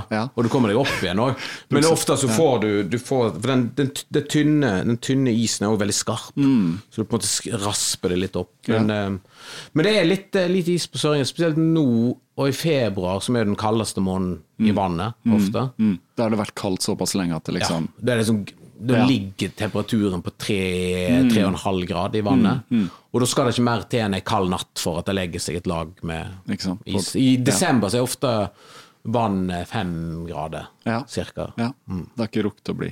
Nei. Nå, nå, det er februar nå det blir beinhardt, for januar, desember var så mye kaldere enn forventa. Ja. Så det er en røff måned for oss nå. Men det, det virker jo sånn som været er nå, så er det noen pluss. Og jeg har sett liksom på, på um, værvarselet framover, det blir bare et par minus, så det virker ikke som Og de som kan spå det her over lang tid, mener jo at vi ikke får en ordentlig kuldeperiode heller Nå i år, nei. i, i år. Nei. At den har vært allerede. For Ja. desember var ganske kald. Ja, desember var, det var Det kom mye snø og greier, Ja. som vi må lide for nå når det er mildt, for det har vært så mye is og, og Ja. sånn. Ja. Altså, vi merker det. Nei, så vi Ok, Så det er, Ja. dette er bare disiplin, og alt er planlagt, og alt er det samme, og det er ikke noe, det er ikke Ja, noe altså, jeg, overraskelse, jeg opplever liksom. det faktisk ikke så masse som disiplin. Jo, det Nei, er jo selvfølgelig det, men, ja. men på grunn av at jeg gjør det så likt som overhodet mulig hver dag, så sklir det bare inn og blir en del av hverdagen. Det er ikke noe sånn at jeg må liksom se på meg sjøl i speilet sånn I dag skal du ut, og i dag skal jeg gjøre sånn. Og jeg trenger ikke tenke et sekund på at jeg skal ut og bade og løpe. For at det er jo det jeg gjør på Ja. morgenen. Ja, det er jo snakket om, det blir ikke noe motstand i det da, ikke sant? Nei, For det er, sånn, det er ikke noe motstand, spise frokost, drikke kaffe, eller levere, liksom, eller Nei, nei, altså det, det bare ruller og går. Det som er motstanden, er jo at i og med at jeg har bestemt meg for at jeg skal bade hver dag, Ja. og ikke løpe lørdag og søndag, Ja. så for eksempel ha hatt en lang, deilig familielørdag, og avslutta med kanskje sitte og se en fotballkamp i sofaen på, på lørdags Mm. ettermiddag, og klokka begynner å bli sju-åtte, og god og mett etter tacoen og sånn, og så Mm. innser jeg at jeg har faktisk ikke bada i dag. Nei, nettopp. Og da dra seg ned på Tjuvholmen, Ja. jeg bor rett oppi Vika der, Ja. og hoppe ut i litt sånn eh, kald. Mørk, av og til litt skitten Oslofjord. Ja. Ikke, eh, da Og da, da må jeg se meg sjøl i speilet og kjefte litt. Og da, og da er du ikke varm fra løpeturen Nei, sånn, nei, så det er litt det sånn så det er alt er bare dritt. ja. Men ok, så, du, så du, holder, du løper ikke i helgen, men du holder på rutinen med bading? Ja. Er det for å holde liksom, noe ved like? Jeg skal, jeg skal runde 365 dager. Ja, ikke sant. Så nå er jeg på litt sånn der, 290 oh, 290 Nei, to, nei 294 i dag. Et eller annet sånt, ja. På rad. Ja. Ja. nærmer meg eh, Nærmer meg 300. Så 12. april så er det Så er det 365. Så det I Oslo så er jo det dritenkelt. Og innser dere hvor utrolig fantastisk fin badeby Oslo er? Ja. For det er jo en ting så går nærmere langs Oslofjorden, så ser du blant annet at det er sånn gule stiger overalt. Mm For eksempel ute på Tjuvholmen. Så er det egentlig ikke badeplasser, Nei. men det er redningsstiger overalt. Ja, ja, Ergo, hvis du ja. kjenner til hvor, hvor djupt det er, så kan du bade Ja. der. Ja, det fikk meg til å tenke på hvor dypt det er, for det har vært en del ulykker rundt nå, så vi har bygd ut ja, Ja, både på- Tjuvholmen og Sørenga. Og, Ja, spesielt på Sørenga har det vært to, to dødsulykker. Som har vært veldig dødsulykker òg. Ja. Jeg vet det har vært Nei, nei, ei, ei dødsulykke og Og en, en og- sånn lam, Ja. lammelse. Så det er veldig, ja. veldig tragisk. Så derfor er jo mer sånn Jeg bader jo ikke plasser jeg ikke kjenner Nei, til. nei. Og på Sørenga så er det litt dypere, du snakker om det er som stupetårn. Eller Ja, Der er det jo sånn. 30 Ja. meter rett ned Det i er det, for at de har bygd det såpass langt ut at Ja, det altså- er liksom god dybde. Ja, altså Sørenga er vel bare dra Jeg tror Sørenga er bygd i Fredrikstad eller noe sånt. Ja, det er og bare det. slept inn. Ja, Altså det er ja. badeanlegget. Ja, ja. Men da som jeg bare forteller en historie om å avslutte med den badinga. For jeg var jo på min første ferietur under pandemien. Var jeg tilbake i Berlin for å se på fotball. Og så skulle jeg fortsette med dette badegreiene. Og da først så innser jeg jo hvor utrolig vanskelig det er å bade. Berlin ligger jo midt i landet, altså Ja. det er jo ikke noe kyst. Og alle elvene er jo ødelagte, og de fleste innsjøene er jo eh, enten giftige eller Det er så masse dritt og sånne renseanlegg i de Ja. at det er livsfarlig å gå uti der. Ja. Um, så da måtte jeg jo springe ut i den eh, Grunewald, altså det jeg snakket om, Teufelsberg. Ja. I nudist, på en nudiststrand der. Ja. Og da var jo da fra den leiligheten jeg hadde, 10 kilometer. Ja. Så da ble det jo 20 kilometer løping Wow. hver dag Ja, okay. på ferie. Men så hadde jeg da, så skulle vi på fotballkamp i Magdeburg, Mhm. som er en tidligere veldig pen, ikke, nå ikke fullt så pen, men veldig trivelig by i gamle Øst-Tyskland. Som òg ligger midt inne i tjukkeste Tyskland. Mm. Eh, som er jo, har selvfølgelig hatt masse industri rundt seg, så elvene der er stort sett døde. Mm. Ødelagt, grunne, eh, og litt for masse strøm i de. Mm. Eh, hvis det ikke er strøm i de, så er det skikkelig brakkvann og Mm. Mm. Så skulle vi på fotballkamp. Jeg hadde ikke fått gjort dagens bad, men jeg har gjort ganske masse research på hvor i Magdeburg jeg kunne bade. Mm. Så fant jeg én plass der viser jeg at borgermesteren noen år før hadde gått ut i å bade for å bevise for befolkningen at her er det trygt å bade. Okay. Det høres ut som sånn Ja, ja. Simpsons-opplegg. Og så drukner han eller blir sjuk. Ja, ja, eller ja, ja. Eh, eller eller få sånn barn med tre øyne. Og, Ja. Sånn. Men, eh, så da tenkte jeg ok, så jeg tok da skru på fotballkamp og kledde meg til det, og det var jo oktober. Det var kaldt. Eh, men så tok jeg jo badeshortsen under, og en eh, og en eh, boksershorts i, i lomma til å ha med til bytte. Og så fant vi til klarte liksom å finne ut Gikk en sånn litt svær bru med noen motorvei over, så klarte jeg liksom å komme meg under det. Da var Erle Marie og en kompis til Jakob var med. Ned under det, sånn graffiti-helvete, og ligger sånn altså, Du vet hvordan det er under bruer i storbyer. Er sånn knuste flasker og Ja. brukte kondomer. Og, Ikke pent. Jævla utrivelig. Ja, ja.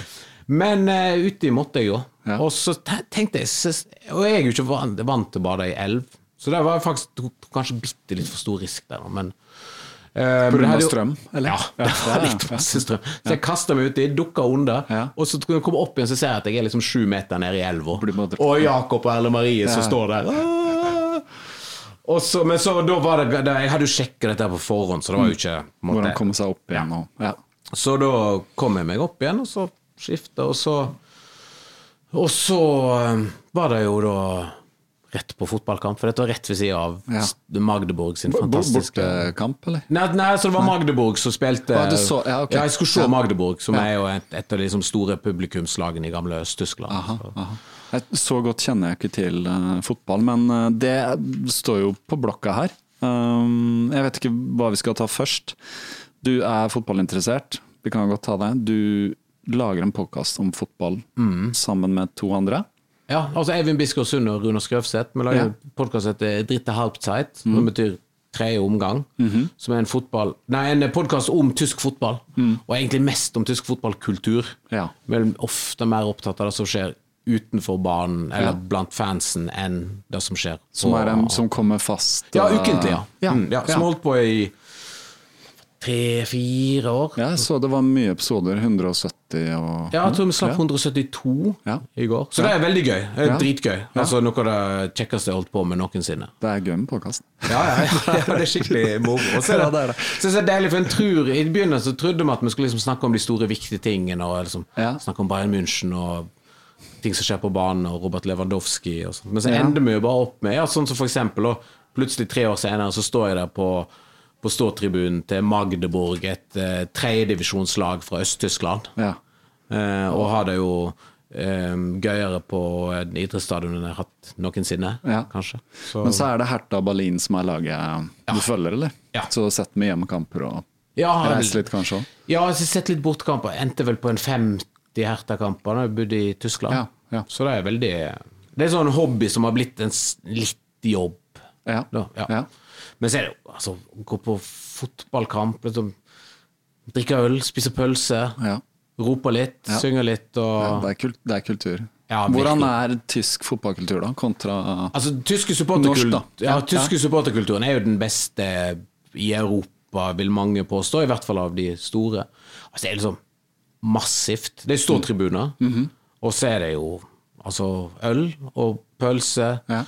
Synging, Ja. godt organisert i god tysk stil. Eh, enormt med sånn kultur rundt kamp. Gjerne stikke, jeg stikker opp på Olympiastadion par-tre timer før kamp. Mm. Bare henge ut på forskjellige kneiper rundt om der, eller Mm. står med en ølkiosk og, og treffer noen venner. Og, ja. sånn, så Mm. Det er jo litt annen drikkekultur, og du kan drikke mer sånn altså Det er lov å drikke Det er ikke sånn som Norge, hvor liksom her kan du ikke drikke og Nei, Det er nei. litt mer sånn plastglass overalt, og folk, det er helt greit, Ja, liksom. ja så det, ting, ting bare flyter og går. Og det fører jo òg til at en på måte, sant, Når du har servering på Olympiastadion, så Mm. stresser en jo ikke utenfor med å Nei, nei, nei. fyre på for masse. Nei, ikke sant. Sånn som du gjerne blir i Norge, da. Ja, ja. Eller har. Jeg vet ikke hvordan det er nå, men uh, har, Ser du noen kamper her, eller? Ja, jeg følger jo Brann, selvfølgelig. Ja, ja, ja, ja. Så det er masse på, på stadion her. Så jeg var jo så den Jeg var og så Brann sin kvalikkamp mot Jerv, som for da folk som følger norsk fotball eh, husker som en veldig traumatisk Ja. opplevelse. Da var det i hvert fall for meg som sto på, Ja. på tribunen når Brann rykka ned. Det er Det trist at det skjedde, men uh, ja ja. Det er andre gang på ikke så fryktelig lenge. Ja. Som vant, vant til elendighet som, Ja, Brann-fan.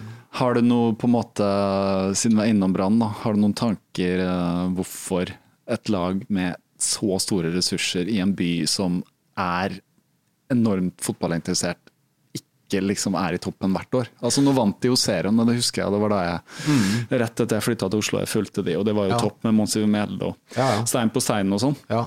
Nei, altså, det Hvorfor vel- klarer de ikke? Altså, Brann kan jeg ikke så godt fra innsida som jeg kanskje burde, men Mm. altså, min erfaring sånn fra å, å se Brann fra utsida og følge det som supporter, er jo at det er jo en, en klassisk kaosklubb Mm. med veldig mange folk som får for sterke roller, og som Mm. får mene for masse om ting de ikke nødvendigvis kan. Mm. Eh, og så er det en ukultur for å ta hastige avgjørelser. Mm. Eh, og det er jo litt sånn bergensk, da. Altså um, en, Et lite problem er jo en, fort en krise. Mm. Altså Ting blir jo skrevet med, med store bokstaver, enten det er Steinfeld som eh, intervjuer en russisk minister på klingende bergensk, Mm. eller det er en diskusjon om Torgallmenningen, eller det er bra Brann. Bybanen og Ja, Bybanen. Ja, ja. Altså, Ja, ja, ja. Nei, det er, det, er, ja, det er stor interesse, så Ja. så ja. Så på en måte, hvis man blir liksom styreleder eller daglig leder, så det er mye makt og liksom Ja, ja, nå, det er ja. veldig masse gammel kultur og Mm. ukultur som henger i veggene, som er vanskelig å få gjort noe med. Og kanskje da fører til at en del veldig kompetente, sobre folk som burde hatt sterke posisjoner i Brann, ikke har Mm, fått det. da. ja. Nei, når skal de lære, da? Nei, altså når jeg, nå, jeg nå måtte vi starte litt på nytt, da. Nå gikk det liksom den ene og den andre, og Ja. nå er vi i førstedivisjon, må rette opp igjen. og trodde du skulle lære av forrige nedrykk, Ja, ja. nei. nei Brann lærer aldri. Nei, det kan vi bare skrive ned sånn. To streker. Mm. svaret. Ja. Nei, Vi får håpe da at de kommer tilbake. Det er jo, øh, jeg har hatt det mye morsomt her på Brann stadion den perioden jeg bodde der. Så, Ja, ja. ja det er fantastisk eh, gøyalt på stadion Ja, det er det. når det svinger. Ja, når det svinger. Og det gjorde det en stund. Mm. Så, men ok, så, så tysk fotball det kan du masse om, og du lager en podkast, og den har sin faste liksom, lytterskare. Mm. Ja. Så morsomt. Ja, ja, det er veldig gøy. Det, Jeg har ikke, ikke fått hørt på, men jeg skal uh, linke til den og ta, ta den med på løpetur. så plutselig så står du der med et lite glass med øl og en Ja, ja. i Øst-Tyskland ja. en eller annen plass. Ja, jeg I god sånn sosialantropologisk ånd så kjenner jeg at det, det har jeg lyst til. Jeg har alltid likt å være en som teste testet forskjellige kulturer. Og ja, kult. Så, men én en ting til du er veldig opptatt av, det, det er jo å lytte til podkast. Jeg ser jo når du um, løper og lager på Strava, så skriver du også liksom hva du lytter til, da. Men det kan være musikk, og det kan være podkast. hvordan plukker du det, eller hvilke podkaster du hører på, eller hvordan er det, er det temaer du er interessert i? Er det faste podkaster? Er det Ja, det går litt, i, går litt i, i perioder med ting som jeg kanskje ville oppdatere meg på noe. En periode hørte jeg veldig masse på filmpodkaster. Det var gøy. Eh, så har jeg en del fotballpodkaster. When We Were Kings, Pyro og Pivo, som jeg hører på eh, jevnt. Men det er litt sånn, jeg prøver å gjøre det Jeg prøver å gjøre den Prøver å få så masse som mulig ut av løpinga, så jeg prøver å gjøre den som lyttinga når jeg løper, til litt sånn kvalitetslytting. Altså ting som jeg genuint får noe utbytte av, eller ting som jeg har lyst til å oppdatere meg på. Så for eksempel veldig ofte på fredagen så hører jeg på den politiske situasjonen med Fridtjof Jacobsen over Grinde.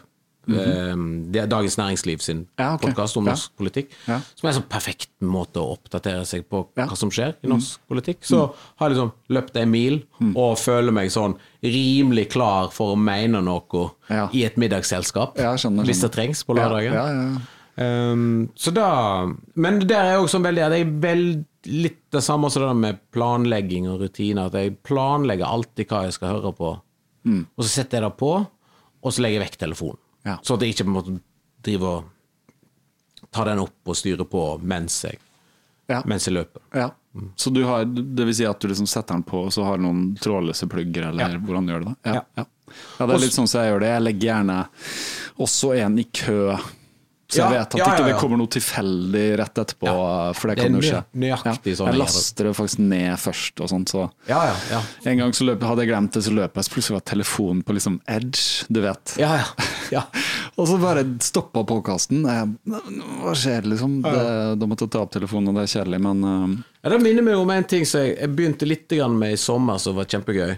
Eh, for da var jeg og sprang litt inn i um, De siste somrene så når jeg har vært hjemme i Kvinnherad, som jeg og, og samboeren min er fra, um, så går vi ofte i fjellet, og så springer jeg liksom innover i dalene innover Kvinnheradsdalen, og Omvikedalen og Uskedalen og, sånn. jeg, har vært på besøk der. Så Ja, ja, sant, ja. Ja, så du Baron, vet- Baroniet Rosendal ligger jo Ja, sant, og så springer jeg inn forbi baroniet og bak. Ja, ja, ja, fint. ja. Der er det ikke engang edge. Nei, ok. Det er ikke dekning. Nei. Inn i Du er i skyggen, liksom? For, Ja, ja, skikkelig. Og det er vel noen det er vel noen av de dalene der, så tror jeg det er sånn 17-20 dager i løpet av året uten sol. Ja, wow. Altså det er mørketid. Ja, ja, ja. Sola kommer aldri, kryper aldri over. Men det som er digg, som jeg oppdaga da, som jeg fikk litt sånn tenning på For når jeg bodde i Berlin, så er jo utfordringen der at jeg springer jo ikke en eneste oppoverbakke på fire år. Nei, Altså, ikke sant. så jeg har jo null motbakke i, ja, ja. kroppen, i kroppen. Men da har jeg prøvd meg litt på sånn springe langt inn en dal, og så opp bak et fjell. Altså Mm. springe opp fjellet bakfra, og så rett og slett litt sånn motbakkeløp. Ja. Et av de Malmangen-uten var vel norgesmesterskap i Mm. motbakkeløp for noen år siden, tror jeg. Det er bratt. så- Ja, har ja, ofte sånn i sånn Ja, ja, den er skikk, det er vel. Er det 700-800 meter rett opp, Mm, rimelig. Ja. Eh, men da fikk jeg litt sånn tenning på. Ikke nødvendigvis springe så enormt fort, men bare liksom gønne litt på. ja, ja. Det krever det. Ja. Ja. Og det kjente jeg var skikkelig gøyalt. Mm. Fikk jeg god uttelling òg for um, Jeg har ikke sprunget så mye oppoverbakke, men jeg har sprunget ganske stort volum. Så jeg kjenner jo at kondisjonen er jo brukbar. Den er der. Ja. Så da er liksom at det går bedre enn hva jeg frykter. Og det er liksom følelse Jøss, her var det jo et eller annet. Ja, ja, ja. Lå noe reservelager der jeg ikke kjente til. ja. Det er den gode, skikkelig gode følelsen. Ja, kult. Men eh, ja, eh, så lytting. Musikk, da. Hvis du lytter til musikk, hva er det, hvordan liksom plukker du? Jeg vet jo har spilt i band og har en fortid Mm. litt sånn Er det metal, liksom? Hva, hva kaller vi det? Ja, metal eller gangsterrap Ja. er det jeg hører på. det er det du hører på. Ja, på når jeg løper. Ja. Um, Ikke hjemme med kidsa, liksom? jo, da òg, selvfølgelig. Ja. Tysk gangsterrap. Tysk gangster. Ja, det er hakket hardere enn den meste andre Ja. gangsterrappen. Synge på tysk og- ja, ja. ja. Så det blir ordentlig, låter ordentlig stygt og fælt. Ja, det gjør det. Hardt, beinhardt. Ja, ja. Det er kjempegøy. Så da hører jeg ofte på tysk gangsterrap, metal, hardcore. Litt sånn, det blir nesten sånn klisjéaktig, da, men, eh, men litt sånn Altså, eh, høyt tempo, energi, Ja, ja. aggresjon. Jeg kjenner at det faktisk funker. Da setter på Jeg springer av Sjelden jeg gjør intervall, men når jeg er der, så springer jeg den der eh, veldig så kjente segmentet på Strava, Tour de Finance. Ja, langs med Bygdøystranda, hva heter Ja, det? der? Frognerkilen. Frognerkilen. Altså det begynner, segmentet begynner, og... på, begynner med skate, cirka med skateparken innerst i Frognerkilen, Ja. og så går det jo forbi ehm, Hva heter det, Frognerstranda kro? Ja, Frognerstranda. Ja, ja, ja. ja. Eh, Kongens kro, er det vel? kongen, Ja, kongen, ja, ja. 1,4 km. Og da tar jeg av og til sånn tre Altså springer der, Mm. og så tilbake, og så kanskje tre ganger eller noe sånt. Mm. Da må jeg ha liksom ordentlig trøkk i musikken. Det er et veldig kult segment, eh, faktisk, for det er jo helt flatt. Og Bare rett fram med den der løpeveien der. Ma mange som løper segmenter der, merker jeg. Kan være tidvis mye som skjer. Uh, syklister, Ja, men mosjonister tips, ja. tips er ikke 05.30 på morgenkvisten. Nei, ikke sant. Ikke sant? Hvis du kommer dit uh, etter Mm. Jobb eller et er eller annet sånt en lørdag eller noe sånt. Så, Ja, ganske, men ja, men sånn, altså I rushtida der så er det jo, er det jo folksomt, ja. Så går jo motorveien der òg. Det er det jeg ikke er så glad i, da. Ja. Med masse trafikk og sånn. Ja, jeg er helt enig med deg. Derfor jeg, jeg- jeg, jeg merker da, hvis jeg for eksempel, hvis jeg hører på podkast så merker jeg trafikken veldig. For Ja. da kommer trafikken inn. Eller, Sliter med å høre, rett og slett. veldig irriterende. Men det er jo veldig fint da ut til um, sant? Det er òg fint sånn strekk ut til Bygdøy, som er ei perle å løpe på. Bygdøy er fint. Ja. Er, da er du plutselig liksom helt bort fra byen. Det er litt som å løpe på Fløyen i Bergen. Liksom. Ja. Mm. Det plutselig er du borte fra Du føler det er litt skog der, sjøen er der, og det er Mm. liksom rolig. Ja. Og, den, eh, og for meg som vestlending så byr jo Bygdøy på noe veldig spesielt òg. Mhm. Det er jo en av de få hvite bjørkeskogene på Det det. Østlandet. Mm. Eh, Det er strekket fra, fra Paradisbukta til Bygdøy sjøbad. Stemmer det. Der er det en hvit bjørkeskog. Ja. også, og der, der har jeg jo vokst opp med å ha rett ved siden av meg på Vestlandet. Så Ja, ikke så- sant? For her er det jo mest gran og. Ikke sant? Jeg tror den er, tror den er plant... Altså, den er jo kun, Ja, kunstig, det. men for veldig lenge siden. Ja, ja, ja. Mm. Så den holder seg. Uh, og så skriver du, uh, og det er vel det du strengt tatt lever av? Eh, skrivingen, eller? Ja. Nå er det Aftenposten her som er hovedarbeidsgiver. Ja. Hvor jeg, eh, hovedsakelig nå så er det å anmelde TV-serier. ja. Så da ser du rett og slett mye TV-serier òg? Ja, så jeg, jobben min er å sitte i sofaen og Se på på. TV etter å ha vært ute og bada og, og sprunget på morgenkvisten. Altså Litt sånn enkelt sagt, men ja, Ja, sånn ja. er det. Wow. Det er, Det er, det er interessant. Det er sånn egentlig det som blir forbundet med sånn arbeidsledig. Ja, ja. Ja, ja. Ser på såpeoperaer midt på dagen og har litt dårlig samvittighet for Men- å få penger fra Nav. Men akkurat derfor så er det jo Det er jo derfor jeg må ut på morgenkvisten. Det, det skjønner jeg da, ja. For hvis jeg ikke kom Se, Hvis jeg ikke hadde trent, så hadde jeg på en måte ikke hatt Unnskyld. Hadde ikke hatt noen grunner til å Nei. vært uten For jeg har jo hjemmekontor. Ja, ikke sant. Eh, Så da var jo en ting som gjorde at den rutinen var veldig enkel å velge. At drar ut en, mellom 5.30 og 6.10 hver morgen. Bruker fra halvannen til to timer ute på trening, løping, eh, altså bading. Og da har jeg liksom begynner jeg dagen med å ha egentlig fulgt opp kvoten med både luft og utetid og bevegelse. Og da, hvis resten av dagen da bare blir 1500 skritt, 2000 skritt, så er jo ikke det krise, for jeg har jo Ja. sprunget 15 km Ja, ja. allerede. Så da tar du deg liksom frokosten og liksom hele den pakka? Ja. ja. Så det er veldig Det funker, funker veldig fint som rutine. Og har vært, for meg sånn gjennom pandemien, vært en sånn en, en kilde til ro. ja. Altså da at Ja, ja, altså Det er masse dritt som skjer akkurat nå, men måtte Hva skal jeg gjøre med det? Liksom? Ja, altså, hva- altså må, ja. de, det, det som jeg har klart å gjøre positivt ut av det, er jo å få inn den der Mm. rutinen. Det hjelper jo òg på at sant, når det ikke er noe sosial aktivitet på kveldene, Mm. så er det jo veldig mye lettere å stå opp tidlig neste morgen. Det er det. Når, eh, det er jo interessant. Når, når må du legge deg for å stå opp 5.10 eller 5.40, eller når du velger? Ja, jeg må begynne å skyve litt på det nå, for jeg kjenner at det strekker Altså Før så sov jeg Gjennom 20-årene og 30-årene sov jeg generelt veldig lite. Eller lite behov for søvn. Helt sånn ned i fire timer. Oi, ja. Uh, som det var jo ikke sunt, men altså, Nei, det nei. gikk fint. Ja, Eh, det. og så sant, fem Nå bør Altså, jeg bør ha seks ja. timer. Ja. Sjelden jeg får det i løpet av natta, men det tar meg ofte en halvtime eller ti minutter i løpet av dagen. Og det hjelper jo, da. Ja, sånn, Det ti minutterne er Ja, supereffektive. jeg har hatt noen sånne òg. Det resetter jo veldig liksom, nervesystemet og sånn. Så Ja. Bare Ja, og så merker reboot, liksom, på ja, Mac-en. kvikner Ja. til, for en sitter liksom trøtt, trøtt på dagene Ja, ja. og ikke får helt til den teksten jeg jobber med, eller sitter liksom og, og, og nesten blunder litt mens jeg Mm. ser på noe som jeg skal. Altså, jeg kjenner at dette går ikke. Nei. Og da bare ti minutter, vekkerklokka på, Ja. og så bare legger jeg meg ned. Og da sovner jeg jo på sekundet. Ja. Sånn. Ja. Ti minutter sånn. Så er jeg helt Det er som å drikke 25 kopper med kaffe. Ja, ikke sant. Jeg hørte sånn triks også, ta en espresso-shot og så legge seg til å sove. Så når den begynner å funke, så så liksom våkner, våkner du. Ja, ja. For det tar litt tid å gå inn i blodbanen.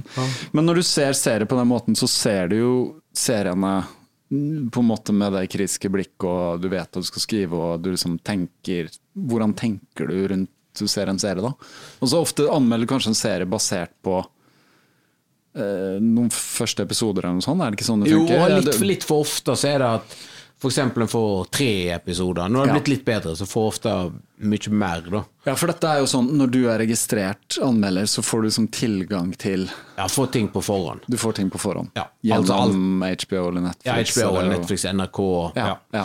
Noen er flinkere enn andre på å få ut så masse som mulig. Noen er strengere enn andre. eh, og sånn. Nei, altså, det er jo Jeg prøver jo også å se TV-serier em, så masse som mulig med et sånn profesjonelt blikk, men veldig folkelig blikk. Um, det er viktig for meg å prøve å um, eh, Altså, om, om TV, ofte så er det jo veldig mange TV-serier ut, skal egentlig bare oppfylle et kriterium. Sånn, Har jeg lyst til å se neste episode? Er dette spennende? Er det gøy? Er det morsomt? Får det meg til å grine? Får det meg til å føle spesielle følelser? Altså, hva gjør dette med meg? Ja. Prøve å formidle de følelsene på et med, måte, profesjonelt Ja. vis. da. Så et eksempel på det Et godt eksempel er Rådebank sesong to. Ja. Nå er jo sesong tre. Jeg har ikke sett det, bare så der, Nei, er fan, sagt. men- fantastisk norsk, eh, norsk ungdomsdrama fra Bø, altså sånn om rånemiljø. Mm, Og da så jeg sesong to, så merka jeg at kritikeren i meg i de første episodene sånn, satt hele tida og pirka i liksom, ting som ikke funker, altså, dialoger som ikke funker. Men så alle som har sett det, serien vet hva jeg snakker om nå, men det skjer noe helt spesielt midtveis der, som er veldig sterkt. Veldig sånn, Skal godt gjøres så ikke bli følelsesmessig berørt av det. Og da ble jeg, jeg ble skikkelig eh, rørt av den serien. Og liksom, kom, den kom veldig nært på, den serien. Og da er det jo en fryd å skrive om det, for da kan en formidle de følelsene som sikkert mange føler når en ser på en TV-serie, at du kjenner at du blir glad eller lei deg, eller noe sånt. Men da eh, ta, ta av Legge vekk alle de hva skal jeg si, profesjonelle Eller altså alle de sånn rare fagordene, og bare skrive om hvor bra og viktig og dyptpløyende Ja, når det blir for, ja. Det, det virker som den serien har liksom pløyd litt ny grunn, og det Ja. er en annen kultur og ja. Ja. ja, på samme måte som Skam gjorde, for eksempel. Ja. Får oss til å, å snakke om en del viktige følelsesting på en måte som en kanskje ikke har eh, gjort Ja, før. Og det er jo det er et privilegium å kunne skrive om det, og kunne Mm. formidle om det når, når serier leverer på det Mm. nivået som, som Rådebank på sitt beste er. Er det du som plukker hva du anmelder, eller får du beskjed om liksom, Asbjørn, kan du anmelde nye som kommer, eller hvem bestemmer? Dere er det en liten redaksjon? Ja, som er en gjeng som, Ja. som tar avgjørelser. Men så er vi ganske erfarne alle sammen, så det er jo sånn at vi har ganske god teft på hva som Eller feeling på hva som skal anmeldes. Mm. Og så er det jo mange ting som sier seg sjøl. Kommer um, Atlantic Crossing, nye storsatsingen til NRK, så klart vi skal skrive om den. Mm. Det er jo på en måte ikke en, ikke en diskusjon. Um, kommer det nå eksempel en ny serie basert på Game of Thrones som kommer på HBO i løpet av året. Klart vi må skrive om det. Ja. Og så, men også er det da å finne en del serier som kanskje folk ikke er klar over at de er veldig At de kan ha interesse av. Sånn som en serie jeg fikk tips om fra en leser, som heter The Newsreader. En eh, australsk serie om en sånn jobb, livet i en avis, eller TV-redaksjon på 80-tallet. Ja, Utrolig gøyal. Kul serie. Og det var sånn som jeg tenkte, denne serien her, at ikke flere nordmenn har sett den, er veldig overraskende. Da må vi prøve å gjøre noe med. Hvor, hvor ble den vist, da? Viaplay. Viaplay, Ja. ja. Så da kjørte vi den opp, og selv om den var liksom en måned eller to gammel, så kjørte vi den opp over dobbeltsida og smelte på og tenkte ja. Dette er noe for Det er så bra at du må, nordmenn. Ja. må formidle det. Ja.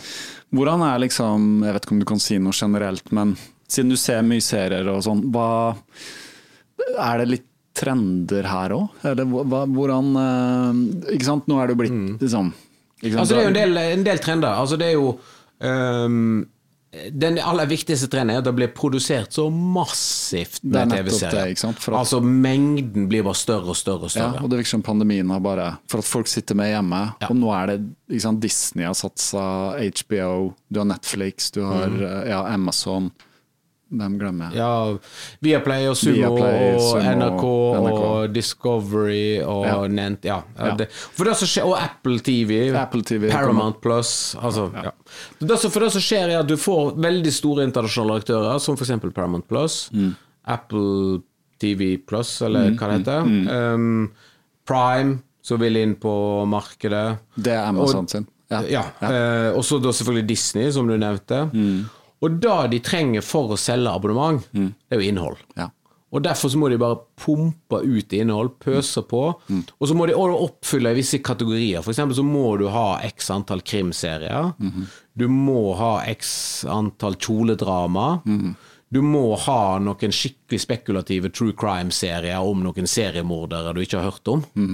Ehm, og så Bas basert på noe, eller ja, sant? Altså, og, og, sånn, og sånn bare går det. Så da fyller det seg opp med stort volum. Så det er jo den ene trenden. En annen trend er jo det, Nå blir det litt sånn faglig, da, men det som de kaller for IP, altså intellectual property, at en Mm. skal utnytte det. Mm. du ser f.eks. på Disney Plus, så bygger de nå et univers av Star Wars-serier. Ja. Eh, med Book of Boba Fett og The Mandalorian. Mm. Og det samme er det med Marvel, hvor de har lagt uh, WandaVision, Loki-serien, Hawkeye, og nå kommer vel Mm. masse sånn side... ja, så, ja, så for at du utnytter det som heter IP-en, altså Mm. the intellectual property. Du eier et univers, og da skal du bare pumpe ut karakterer fra. Mm. Så nå for eksempel på Paramount Plus, for Paramount eier jo altså eh, den intellektuelle eiendommen Gudfaren. Aha. Så da kommer det Gudfaren-serie, og så videre, og Ah. Så videre. Altså at en, at en utnytter de karakterene, universene og historiene Mm. har på et uh, mye grovere Ja. sett. Da. Ja. Jeg har skjønt det, og det, det jeg merka det først, var jo det der Marvel Cinematic Universe, liksom. Ja. Uh, jeg må innrømme at jeg datta på et eller annet punkt på de Marvel-filmene. Eh, Mhm. men under researchen til intervju her, så fant jeg en blogg du skriver som heter OP5, er det det? Er riktig, sånn? ja. Mm. Det, er, på en måte sånn kladdebok om Ja, litt sånn kladdebok. Deg og en til, tror jeg. Mm. Ja, Aslak Nore. Eh, Aslak Nore. Og da var det sånn Asbjørn ser alle Marvel-filmene Ja, ja. kronologisk. Eller sånn liksom i den tiden de er. Og det, det leste jeg, det var ganske morsomt. Ja. Uh, morsomt bra skrevet. Ja, Eh, Det var gøy, for at jeg hadde jo ikke sett eh, Jeg har sett noen sånn Iron Man og Hulk og de første, men jeg datta liksom på de eh, Hva heter de? Avengers. Ja. For det virka som å, det går så dårlig, det er så mange som dør. Å gud, og Ja, ja. liksom veldig hele universet skal gå under. Og nei, Og så har du alle Captain America-filmene. og- ja, ikke sant? Ja, faktisk, eh, da skjønte jeg at det er et univers, men selv om de tar livet av halvparten, så er det så mange andre de kan lage serier Ja, av. så er det ikke noe problem. Du kan bare få inn Dr. Strange, og så ser åpner han en tidsportal, og så snur han tida, og så kommer alle tilbake igjen. Ja, ikke sant? Veldig enkelt, sånn, ja. Men det var for veldig gøy. Det henger jo litt sammen med de andre tingene. At når jeg, liksom, jeg, for jeg bestemte meg på et eller annet tidspunkt at jeg har ikke sett nok på Marvel. Mm. Og som film- og TV-kritiker så må jeg i hvert fall kunne Marvel, for det er så Sine gigantisk. Ja, ja. kommersielt og Ja, referansemessig. Så jeg tenkte ja, men da tar jeg bare begynner fra begynnelsen, nå, og så gjør jeg det til et prosjekt. Sånn som jeg bader 365 dager, eller sånn i fjor så bestemte meg for å løpe 3650. Altså, På et år. Ja, altså en mil om dagen. Så, så hvis en gjør det til et sånt prosjekt med en eller annen form for definert begynnelse og slutt, Mm. så For meg i hvert fall faller ting enklere. Da blir det som et puslespill du bare fyller inn, og så ser du at det begynner å nærme seg slutt. Da. Ja, ikke sant? Så det er jo, men det anbefales da hvis, hvis en sitter der ute og har f.eks. Eh, Disney Pluss-abonnement og eh, har noen unger i hus som en ikke helt vet hva en skal se sammen. Men å sette seg ned og gå igjennom For de ligger kronologisk på Disney Pluss òg. Altså i, i rekkefølgen handlingen skjer. Nettopp. Og det er veldig gøyalt. Altså. ja, ja. Jeg skal ikke se bort fra. Nå har jeg jo Disney Pluss og barn. Så det som har vært litt sånn prosjekt, det er sånn Star Wars. Vise de Star Wars, da. Ja. Nå har jeg bare fått vist den første Star Warsen til hun Ja, eldste, men Ja, for du viser de det som er din oppvekst. Ikke sant? Jeg vokste opp med Star nå er det- Nå er det på tide med at du skal være Ja. en del av deres oppvekst. Ikke sant? Det er jo det Marvel er. Det er jo, det er jo ja, det er sant, våre sant, ungers Star Det er sant, det. Ja. Det har gått mest i Disney, uh, med de siden de har vært små, da. Du vet Disney-filmene. Når Ja, ja. kommer det en ny Disney, så Har dere sett Encanto? Ja! Hva syns dere, da? Det er den siste det ma det- magikerfilmen. Ja, det magiske huset i Colombia, eller hvor det er. Jeg falt for den, da. Ja. Jeg gjorde det også. Jeg likte de karakterene. Ja. Men så viste det seg da at um, hun yngste får lov til å se på filmen hun står opp om morgenen i helgene. Mm. Og da hadde hun bare satt på den og sett den alene først. Altså vi var sånn, «Å, den burde vi jo se sammen. Ja, Så hun bare, ja, ja, men jeg ser den jo igjen, det er jo kjempekult. Ja, ja, ja. Og sånn glatt to ganger, liksom. Så, så det ble en sånn. Uh, men hva har skjedd med Går du på kino, da? Hva har skjedd med kino? uh, Jeg går Ja. Jeg Ja. går fast på kino med en kompis. Ja. Um, da uh, Istedenfor å gå på byen. Ja. For nå er jo Altså, det er jo skamdyrt å gå på kino, men hvis du behandler det som om det er en konsert Ja. eller noe sånt Eller en teaterforestilling eller Ja, noe sånt. Ikke sant? Ja. Så det vi gjør, er at um, hvis du går f.eks. på fantastiske Odeon kino i Oslo Mhm. um, Den har jeg ikke vært på. Er det Tjuvholmen, eller? Nei, det, altså, Det er på Aker Brygge, mener jeg. Nei, det lå på det, Du tenker på Felix, som lå på Aker Brygge før. ja, før. Men nå snakker vi om Odeon kino, som er oppe i Vitaminveien i Nydalen. I Nydalen. Rett under Ah. Storo storsenter. Ja, ja, ja. Eh, sånn fantastisk anlegg. Men der har de òg bar. Oh, yeah. De har da en bar som selvfølgelig heter Oscar. Ja. Eh, Så da møtes vi der ja, sånn annenhver uke. Mm. Hver gang det slippes noe gigantisk på kino. Som du må se sånn. Ja. Så da møtes der halvannen time før. Eh, Kjøper en flaske hvitvin, Mm. deler den, og går på Imax. ja. Meg og Frode. Hva vil IMAX si? Imax er den største, villeste, mest bråkete, feteste filmopplevelsen. Du kan få, altså, formatet på, på lerretet er litt annerledes, det er litt høyere. Så du, du sitter liksom nesten bakover og ser på litt sånn tivoliaktig kino. Så vi var der i går, faktisk. Så Spiderman, No Way Home. Har vi vært og sett ja, Suicide Squad, Kingsman, bare sånne store actionfilmer. Ja. Og da å gå på en måte på byen med en kompis, men Ja. kino i stedet for. Ja, ja, ja. Og så sånn, gjerne smelle til med de dyreste setene, som er sånn business class-aktige seter. Ja. Med, kan, jeg tror det er faktisk er sånn varme i putene. Så gamle. Men det er jo blitt litt sånn flere steder. Ringen har jo en Ja. sånn med sofa. ja, De har den fantastiske salen som heter Ringen Supreme. Ja. Det er den veldig. sofaen og sånn? Ja, Ja, ja, ja det, det, det, Ringen Supreme er ganske liten, men hvert sete er sånn 120 000 kroner, så stol. Ja. Ja. Ja. Så da, men så da, da kan jeg anbe- anbefale til alle som sier 'Å, jeg får ikke tid til å gå på kino'. Å, ja, men hvis Ja. du bare bytter ut den ene Ja, ja. turen du treffer med kompisen eller venninnene dine, og kombinerer det med å gå på f.eks. Oscar Bar eller andre plasser i Norge hvor en har tilsvarende fete kinoopplevelser. Men det er litt sånn jeg har gjort også. Jeg var og så Sist jeg så på kino, så jeg måtte se på kino, var June, som Ja. du kanskje har sett? Ja, på Imax. Ja, ok. Er ja. Odeon, ja. Jeg så den vel bare på en av ringene, men da var det liksom møte en kompis. Men da var jo ikke bar der vi bare møttes og drakk litt vin før på en ja, vinbar på Grünerløkka, liksom. Men Mm. det er blitt litt sånn at uh, noen enheter inn gjør det. Og så kan man jo sånn som på Gimle, så er det jo bar der. Jeg var Ja, altså, så- det er jo bar på, på, på, Spodeon og, og Ja. på Ringen. Ja, så kan du ta med deg inn, da. Eh, Bortsett fra på Imaxen av en eller annen uh, grunn. Oh, men, ok, eh, ja. Men det er sånn, for meg er det ordentlig opplevelse. Og June på kino Ja, den var stor. er ganske massivt, Ja, altså. shit. Ja. Det bare gjorde inntrykk. Altså. Jeg husker jo den gamle som jeg så uh, i tenårene og sånn, men dette var jo noe annet, selvfølgelig. Da må si at Den ene tingen jeg hører på som ikke er podkast, Ja. tysk gangsterrap eller metal, hardcore, Mm. det er Hans Zimmer sin filmmusikk Ah, ja. til, um, eh, til June. Altså når jeg wow. løper, da. Ja, okay. Det som løpemusikk er veldig eh, anbefalt. Det er, det, det er vel tre soundtracks som er sluppet til den filmen. Ah, ja. Og de er ganske episke å høre på når du springer, Kult. når du springer ut i naturen. Ja. ja, det må jeg sjekke ut. Hans Zimmer er jo kjent. Han har vel holdt på i Ja, han er jo en av de Så mange virkelig store. han- Ja, ja, ja, ja, ja. Gjorde James Bond-filmen nå nettopp. Og, Den så jeg faktisk i helgen. ja, Den nye James Bond. Fornøyd?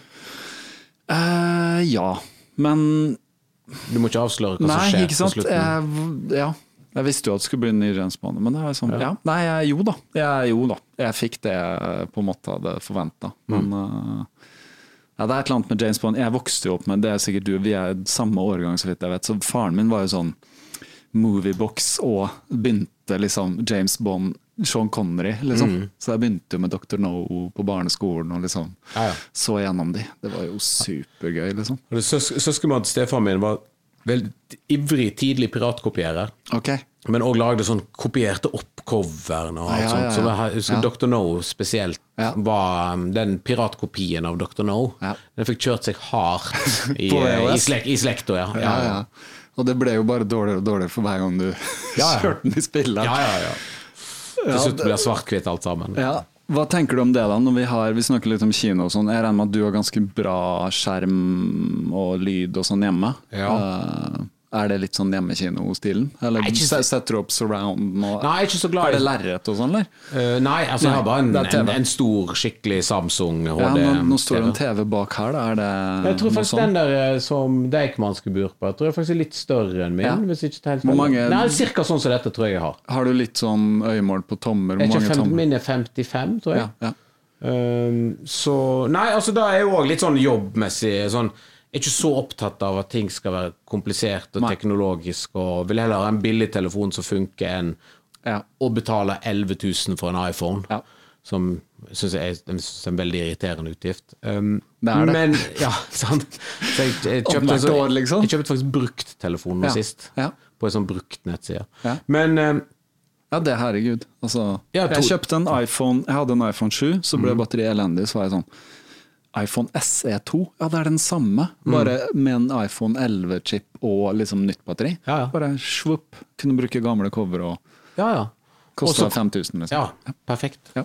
Altså Sånn er jeg på På det meste, bortsett fra TV og sånt, er jo I og med at det er jobben min, Mm. så tenker jeg at jeg, det, jeg plikter på en måte å ha i hvert fall over gjennomsnittet godt utstyr. da Altså sånn at jeg At jeg ser ting skikkelig sånn som det er meint at det skal Ja. sees ut. Ikke sant? Er du litt opptatt av på en måte produksjonsdesign og filmfotografi og sånne Ja. ting? eller? Ja. Jo, jeg er jo da. Ja. Altså, det er jo på en måte en av Altså i en sånn helhetsvurdering av ting en vurderer. Og da er jo ting som du En del ting Hvis en har på en måte ja, då- då- dårlig utstyr eller dårlig visningsforhold og sånt, så er det jo en del ting en går glipp av. Det er det. Det er Hvis du sitter på laptopen eller på, på iPhone og ser en serie og sånn. Ja, Men noe er kanskje lagd for det òg? Ja. Ser du forskjell, liksom?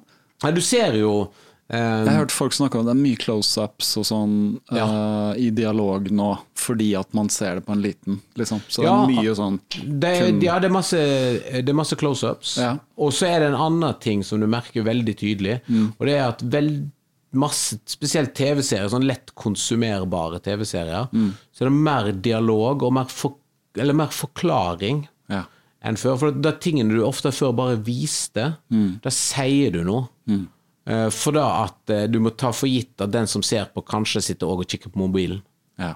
Så når en eller annen karakter Scroller samtidig. ja, sånn. Og, og det de gjør, de lytter etter sånn nøkkelord. Da. Så for eksempel en TV-serie så Kan du si at hvis vedkommende skal gå gjennom den døra der, så i TV-serien så går han ikke bare, reiser han seg ikke bare opp og går bort gjennom døra sånn. Men han sier sånn eh, Oh, I think I'm gonna, I think I'm gonna walk out of the room now. Altså han, han ja, forklarer, klarer han seg. Ja, for da sitter du og så Å ja, nå går Ja, nå, og, eh, ja, så selv om du ikke, selv om du ikke reiser eh, hodet opp fra mobilen, så får du da med deg hva som skjer, for noen forteller det seg. Ja.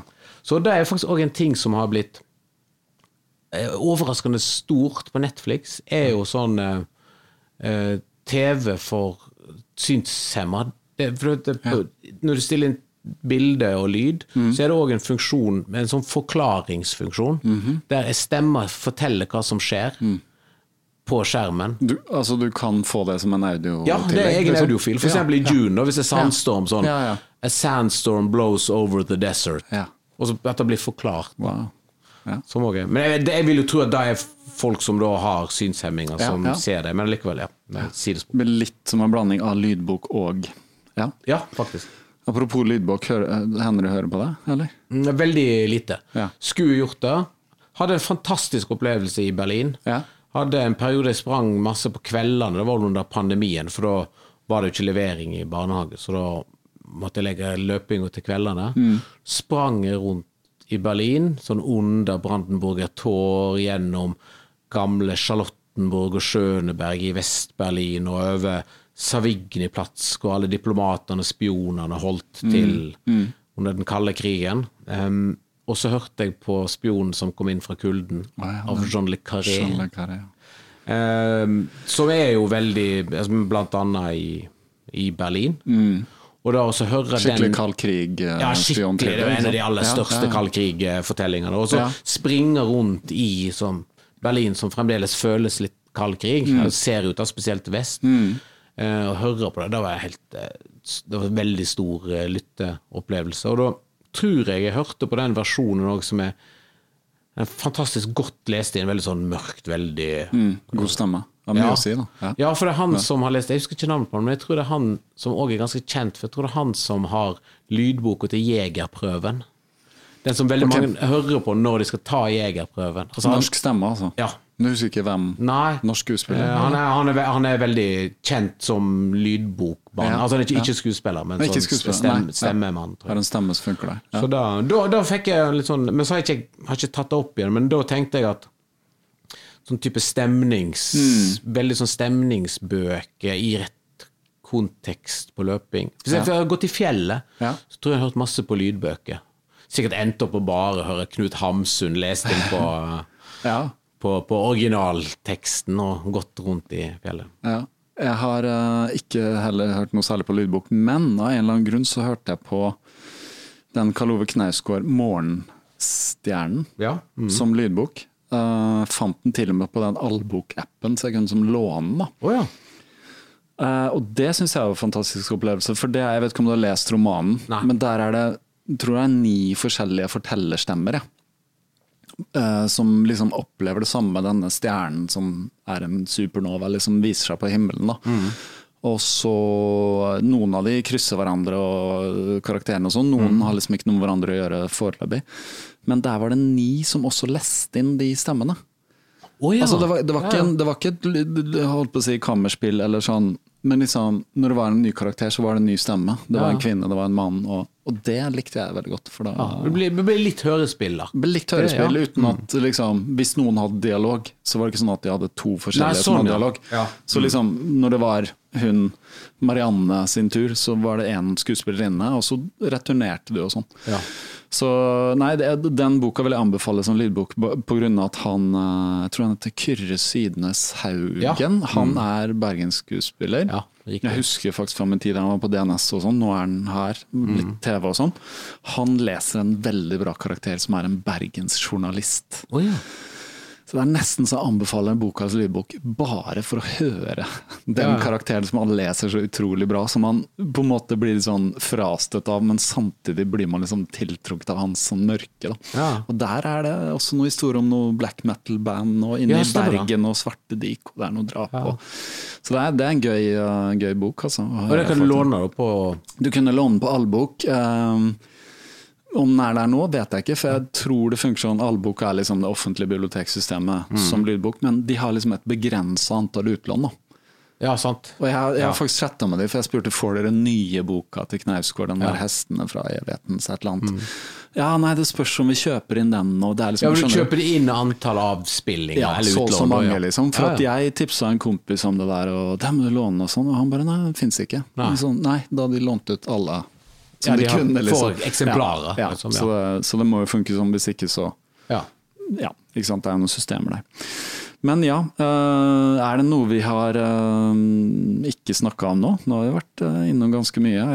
Det jeg har notert sånn, fotball, hva foregår med penger og Erling Breit Haaland og sånn? Du- Er, er dere opptatt av det? Sånn Ja, men, men hvis vi begynner på det, så kommer vi oss aldri ut herfra. det, er det. Nei. Så da kan jeg bare si ok, hør heller på den uh... Jeg har på Dritte Halbseit, der har vi Ja. 172 episoder om omtrent det. Ok, greit.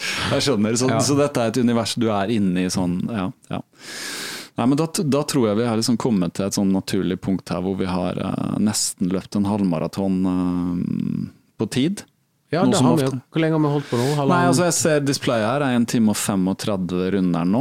Ja, det er jo perfekt å avslutte, for da er Ja. målet mitt for Berlin halvmaraton i april. 1.35. Ja, Ja. Eller under 1,35. Ja, det, det er en uh, stødig tid. Jeg har løpt på 1.36, Ja. så det, det, det er bra fart, det. Altså. Altså mål, jeg, jeg ble litt sånn um, oppmuntra av en hendelse i oktober, september-oktober. Mm. For jeg har jo, persen er jo bare på 1,40-47, så det er jo Mm. en saftig forbedring. Men i den tid så har jeg både altså, gått ned ganske masse i vekt og sprunget masse og føler meg litt kjappere. Mm. Um, men for jeg har ikke, I pandemien så har jeg ikke løpt noen løp, så jeg har ikke konsentrert noe på tid. Jeg har ikke planlagt så masse. Men så hadde jeg ett løp som jeg tilfeldigvis dumpa litt borti. Sprang Bygdøymila. Og da Det har jeg løpt en gang for lenge siden. 2015-16 og ja. ja, for et veldig hyggelig løp. Og Ja, da var vi egentlig For at Bygdøy IL, som eh, sønnen min er med og har litt sånn eh, barmarkstrening med å gå på skikurs og sånn, så da var vi med, og Aslaug eh, stilte opp som sånn løypevakt, og Oskar skulle springe tre kilometer med, i barneklassen, og så tenkte jeg jeg melder meg nå på, for jeg har aldri sprunget en ti kilometer før. Sprunget noe i nærheten, men en sånn konkurranse 10 kilometer. Tenkte jeg, bare tester det, Så mm. tror jeg faktisk ikke har sprunget da på under 45 minutter før, så tenkte jeg ok, prøv prøver da, ta det under 45. Og så gikk det altså Jeg kan jo Bygdøyløpene inn og ut for sprunget så masse der ute, så jeg visste liksom hvor jeg skulle dra på ja, kunne legge en god taktikk, da, uten å planlegge så veldig masse. Men da kjente jeg at det gikk utrolig fort Ja. til meg å være. Ja.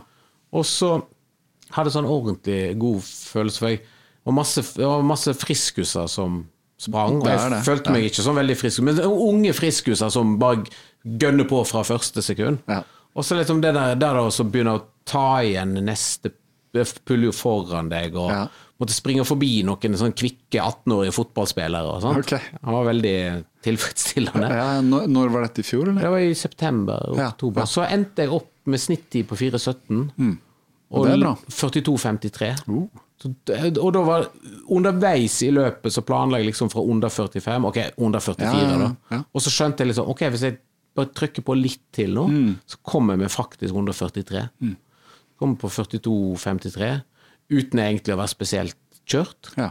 Altså, Og kanskje ikke heller var trent så hardt for Nei, jeg har ikke planlagt i det hele tatt. Altså, jeg, hadde, altså, jeg tror jeg hadde til og med hatt meg en ganske hard økt dagen før, Mm. eller et eller annet sånt. Så da tenkte jeg at Da, ja, men Da på den tiden noe- der så høres det ut som 1,35, for at jeg løp på 42,30 og noe Ja. på hytteplan. Ja. Og 1,36 på halv. Sant? Ja. Så det, liksom, det henger sammen, så det høres ut som du har det, Jeg fikk, uh, har det inne. Men nå snakker vi vekk fra 1,35-tida, da. Nå er vi oppe på 1,37. Ja, nå er det, ja, ja. det, er, det, er det. Så 1,38. går det ned. Nei, så da tenkte jeg at all den der volumtreninga mi Mm. i Uten egentlig noen stor plan, men bare rutine, komme meg ut. Uansett hvor, hvor liksom, uggen jeg føler meg dagen før eller på dagen, så er det sånn Ja, men det skal ut. Altså Litt sånn som Jan Post sa da han var på besøk hos deg. det Sånn, ok, Du trenger ikke nødvendigvis som mosjonist så trenger ikke du være så enormt fokusert, men bare du trener. Ja. Da kjente jeg at jeg fikk plutselig, på de ti kilometerne på Bygdøymila, så fikk jeg sånn enormt masse igjen for det. Mm. For jeg kjente liksom kje- Faen, i de lårene her så ligger det jo nå Ja. 3500 kilometer fra siste året. Ja, ja. Da får jeg betalt for nå. Jeg, jeg ser jo det på alle som Mange som har vært her med venner av meg, sånn, de som har høyt volum, trenger jo ikke trene så innmari spesifikt for å få god fart og god utholdenhet. Så, ja. Altså, jeg tenker å skal omdisponere litt nå fram mot, um, mot halv i Berlin. nå. Ja, for og tweaka litt til og sånt. Ja, ja, ja. Har du noe Du sitter jo med boka og sånn, men følger du noe program Nei, altså Jeg har en plan her på Skal vi se Nå er det framme, da. Das große Buch for maraton. Ja, ja, Så var det Jeg fant et Det var et løp her Skal vi se Finner det det Det ser fin ut, da. Mye bilder og farger. Og... Ja, ja. Man er ikke oversatt, eller? Nei, det Nei. tror jeg ikke. Så man må kunne tysk. Eller Ja. ja. Det kanskje Og her er det da til 1,11. Det er ikke helt meg, nei. ja, det, er, det, er litt, det er litt fort. For jeg tar jo da et, et Jo, det, jeg tar nok dette programmet her, da. Det er ja. delvis egentlig litt i gang med, da. Det er til, til 1,33. Ja. For det er 1,40 eller 1,33. Ja, ja, ja. ja. Så da Ja, det er bare å planlegge. ja. Så da, da vil du notere det på Strava når det er eh, Men hva gjør du med hvis ikke du løper i helgene?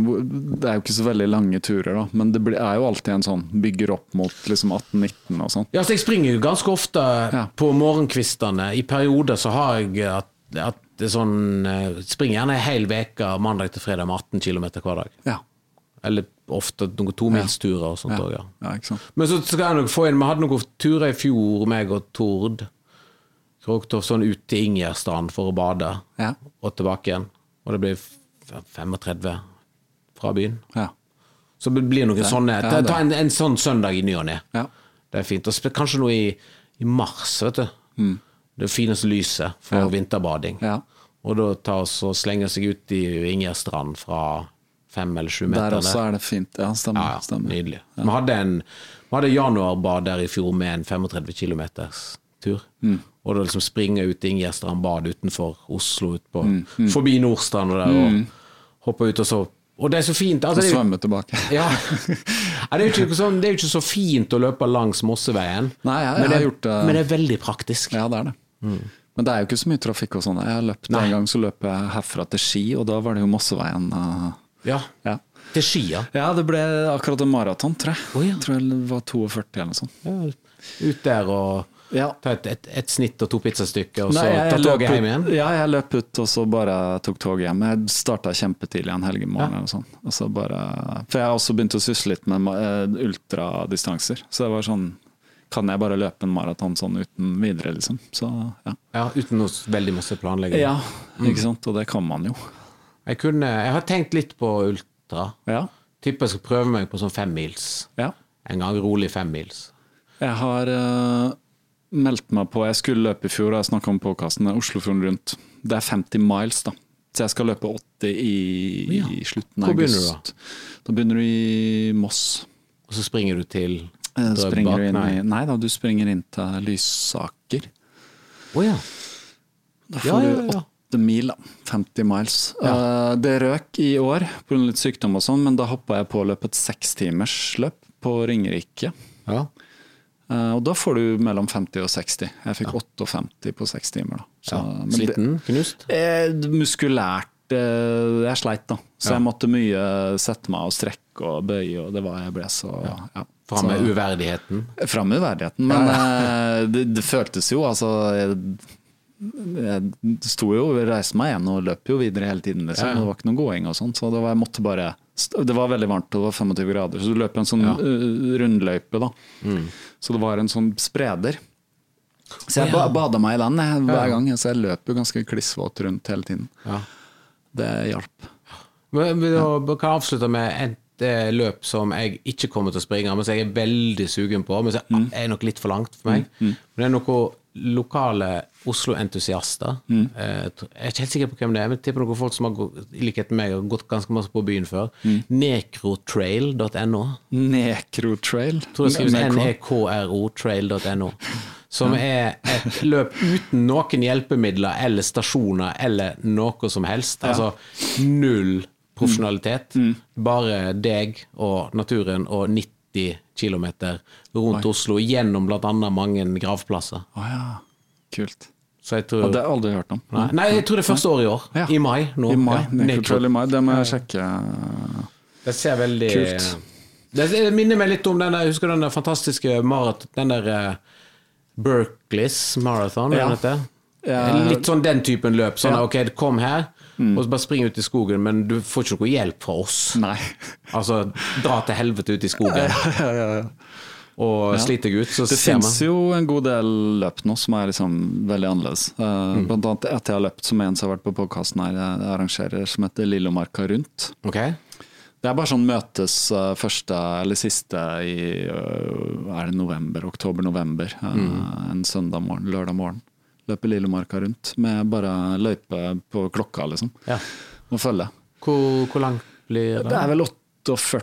eh, Men det er på sti, vet du, så det er jo masse Au. 2000 høydemeter. Og, Ja. Så jeg løp den i år, da. Det var uh, tøft, det, altså. Ja. Men, eh, Men gøy, selvfølgelig. ja, kjempegøy. Ja. Tok jo faen meg sju og en halv time. Ja, du må ha ganske masse Kvikk Lunsj med deg, da. Ja, det måtte, jeg måtte ha mat. Jeg stoppa jo lunsja og var sånn. Ja, ja. Kos. Ja, det var kos. Men ok, tusen takk Asbjørn. Asbjørn. Det var veldig hyggelig å være her, altså. Det var veldig morsomt, så mm, får bare følge deg på Strava. Jeg putter alltid påkastnotatene, så Ja, fantastisk. Ja. takk. Det var eh, Asbjørn Slettemark. Hva tenker dere, er det noen som får lyst til å stupe uti på Søringa tidlig om morgenen eller noe annet sted? Jeg vet det er mange som driver med bading. Um, kuldebading, holdt jeg på å si. Uh, isbading osv. Jeg eh, personlig aspirerer, har ikke vært ute hittil i år, men eh, satser på at eh, det blir mulig snart. Jeg har bl.a. meldt meg inn i Oslo Badstueforening. Kanskje det er en bra måte å begynne på. Ha tilgang til en badstue. Tiden vil vise. Jeg nevnte på introen til podkasten at det blir trekning av vinnere av et par Topp Atletic løpsko. Et par til nye pod, eh, Patreons av podkasten, og et par til gamle. Av praktiske årsaker, her jeg sitter og sjekker min Patreon nå, 1. februar, ny måned, så er foreløpig ingen trukket, så jeg venter rett og slett til jeg kan se hvem som har blitt med og eh, eh, bli, blitt trukket som eh, nye patrons. Så da kommer jeg til å annonsere det antagelig på neste episoden. Eh, selvfølgelig får vinnere beskjed, og hvis du har lyst til å finne ut eh, så fort som mulig, så blir du Patrion. Eh, link er i podkastnotater. Da trenger du bare gå inn i der hvor du ser, eh, eh, hører podkast. Eh, bla ned og trykk på linker. Hvis ikke så er det jo patreon.com skråstrek kaptarepodkast i ett ord. Der ligger også hele samtalen med Asbjørn på video. Skal prøve å få til det fast framover. Eh, Det var ikke så vanskelig som jeg trodde. Litt jobb er det i etterkant, men hva gjør man ikke for fans av podkasten? Ganske mye. Ellers, eh, takk til alle dere som lytter. Takk for tilbakemeldinger. Det betyr mye. Det er eh, underlig, sånn som jeg sitter her nå, faktisk å filme meg selv, men det er underlig å lage podkast og være et enmannsshow. Det er selvfølgelig det, men jeg gjør det av uh, glede. Ren og skjær og pur glede. Uh, løpingen har eh, reddet livet mitt, eh, uten tvil. Eh, I hvert fall mitt eh, sunne liv. Hvis ikke jeg hadde vært en løper, så vet jeg ikke hvor jeg hadde vært i dag. Eh, det er ikke viktig hva slags type løper du er, det viktigste er at du vet at du har alltid muligheten til å gå ut og løpe en tur og bli til noe mer enn hva du er. For det er helt sikkert, som min eh, tidligere psykolog sa til meg, du kan ikke bli mindre enn hva du er. Så takk igjen til alle. Eh, Vi høres snart av igjen. Inntil videre, ha en fantastisk eh, flyt i hverdagen.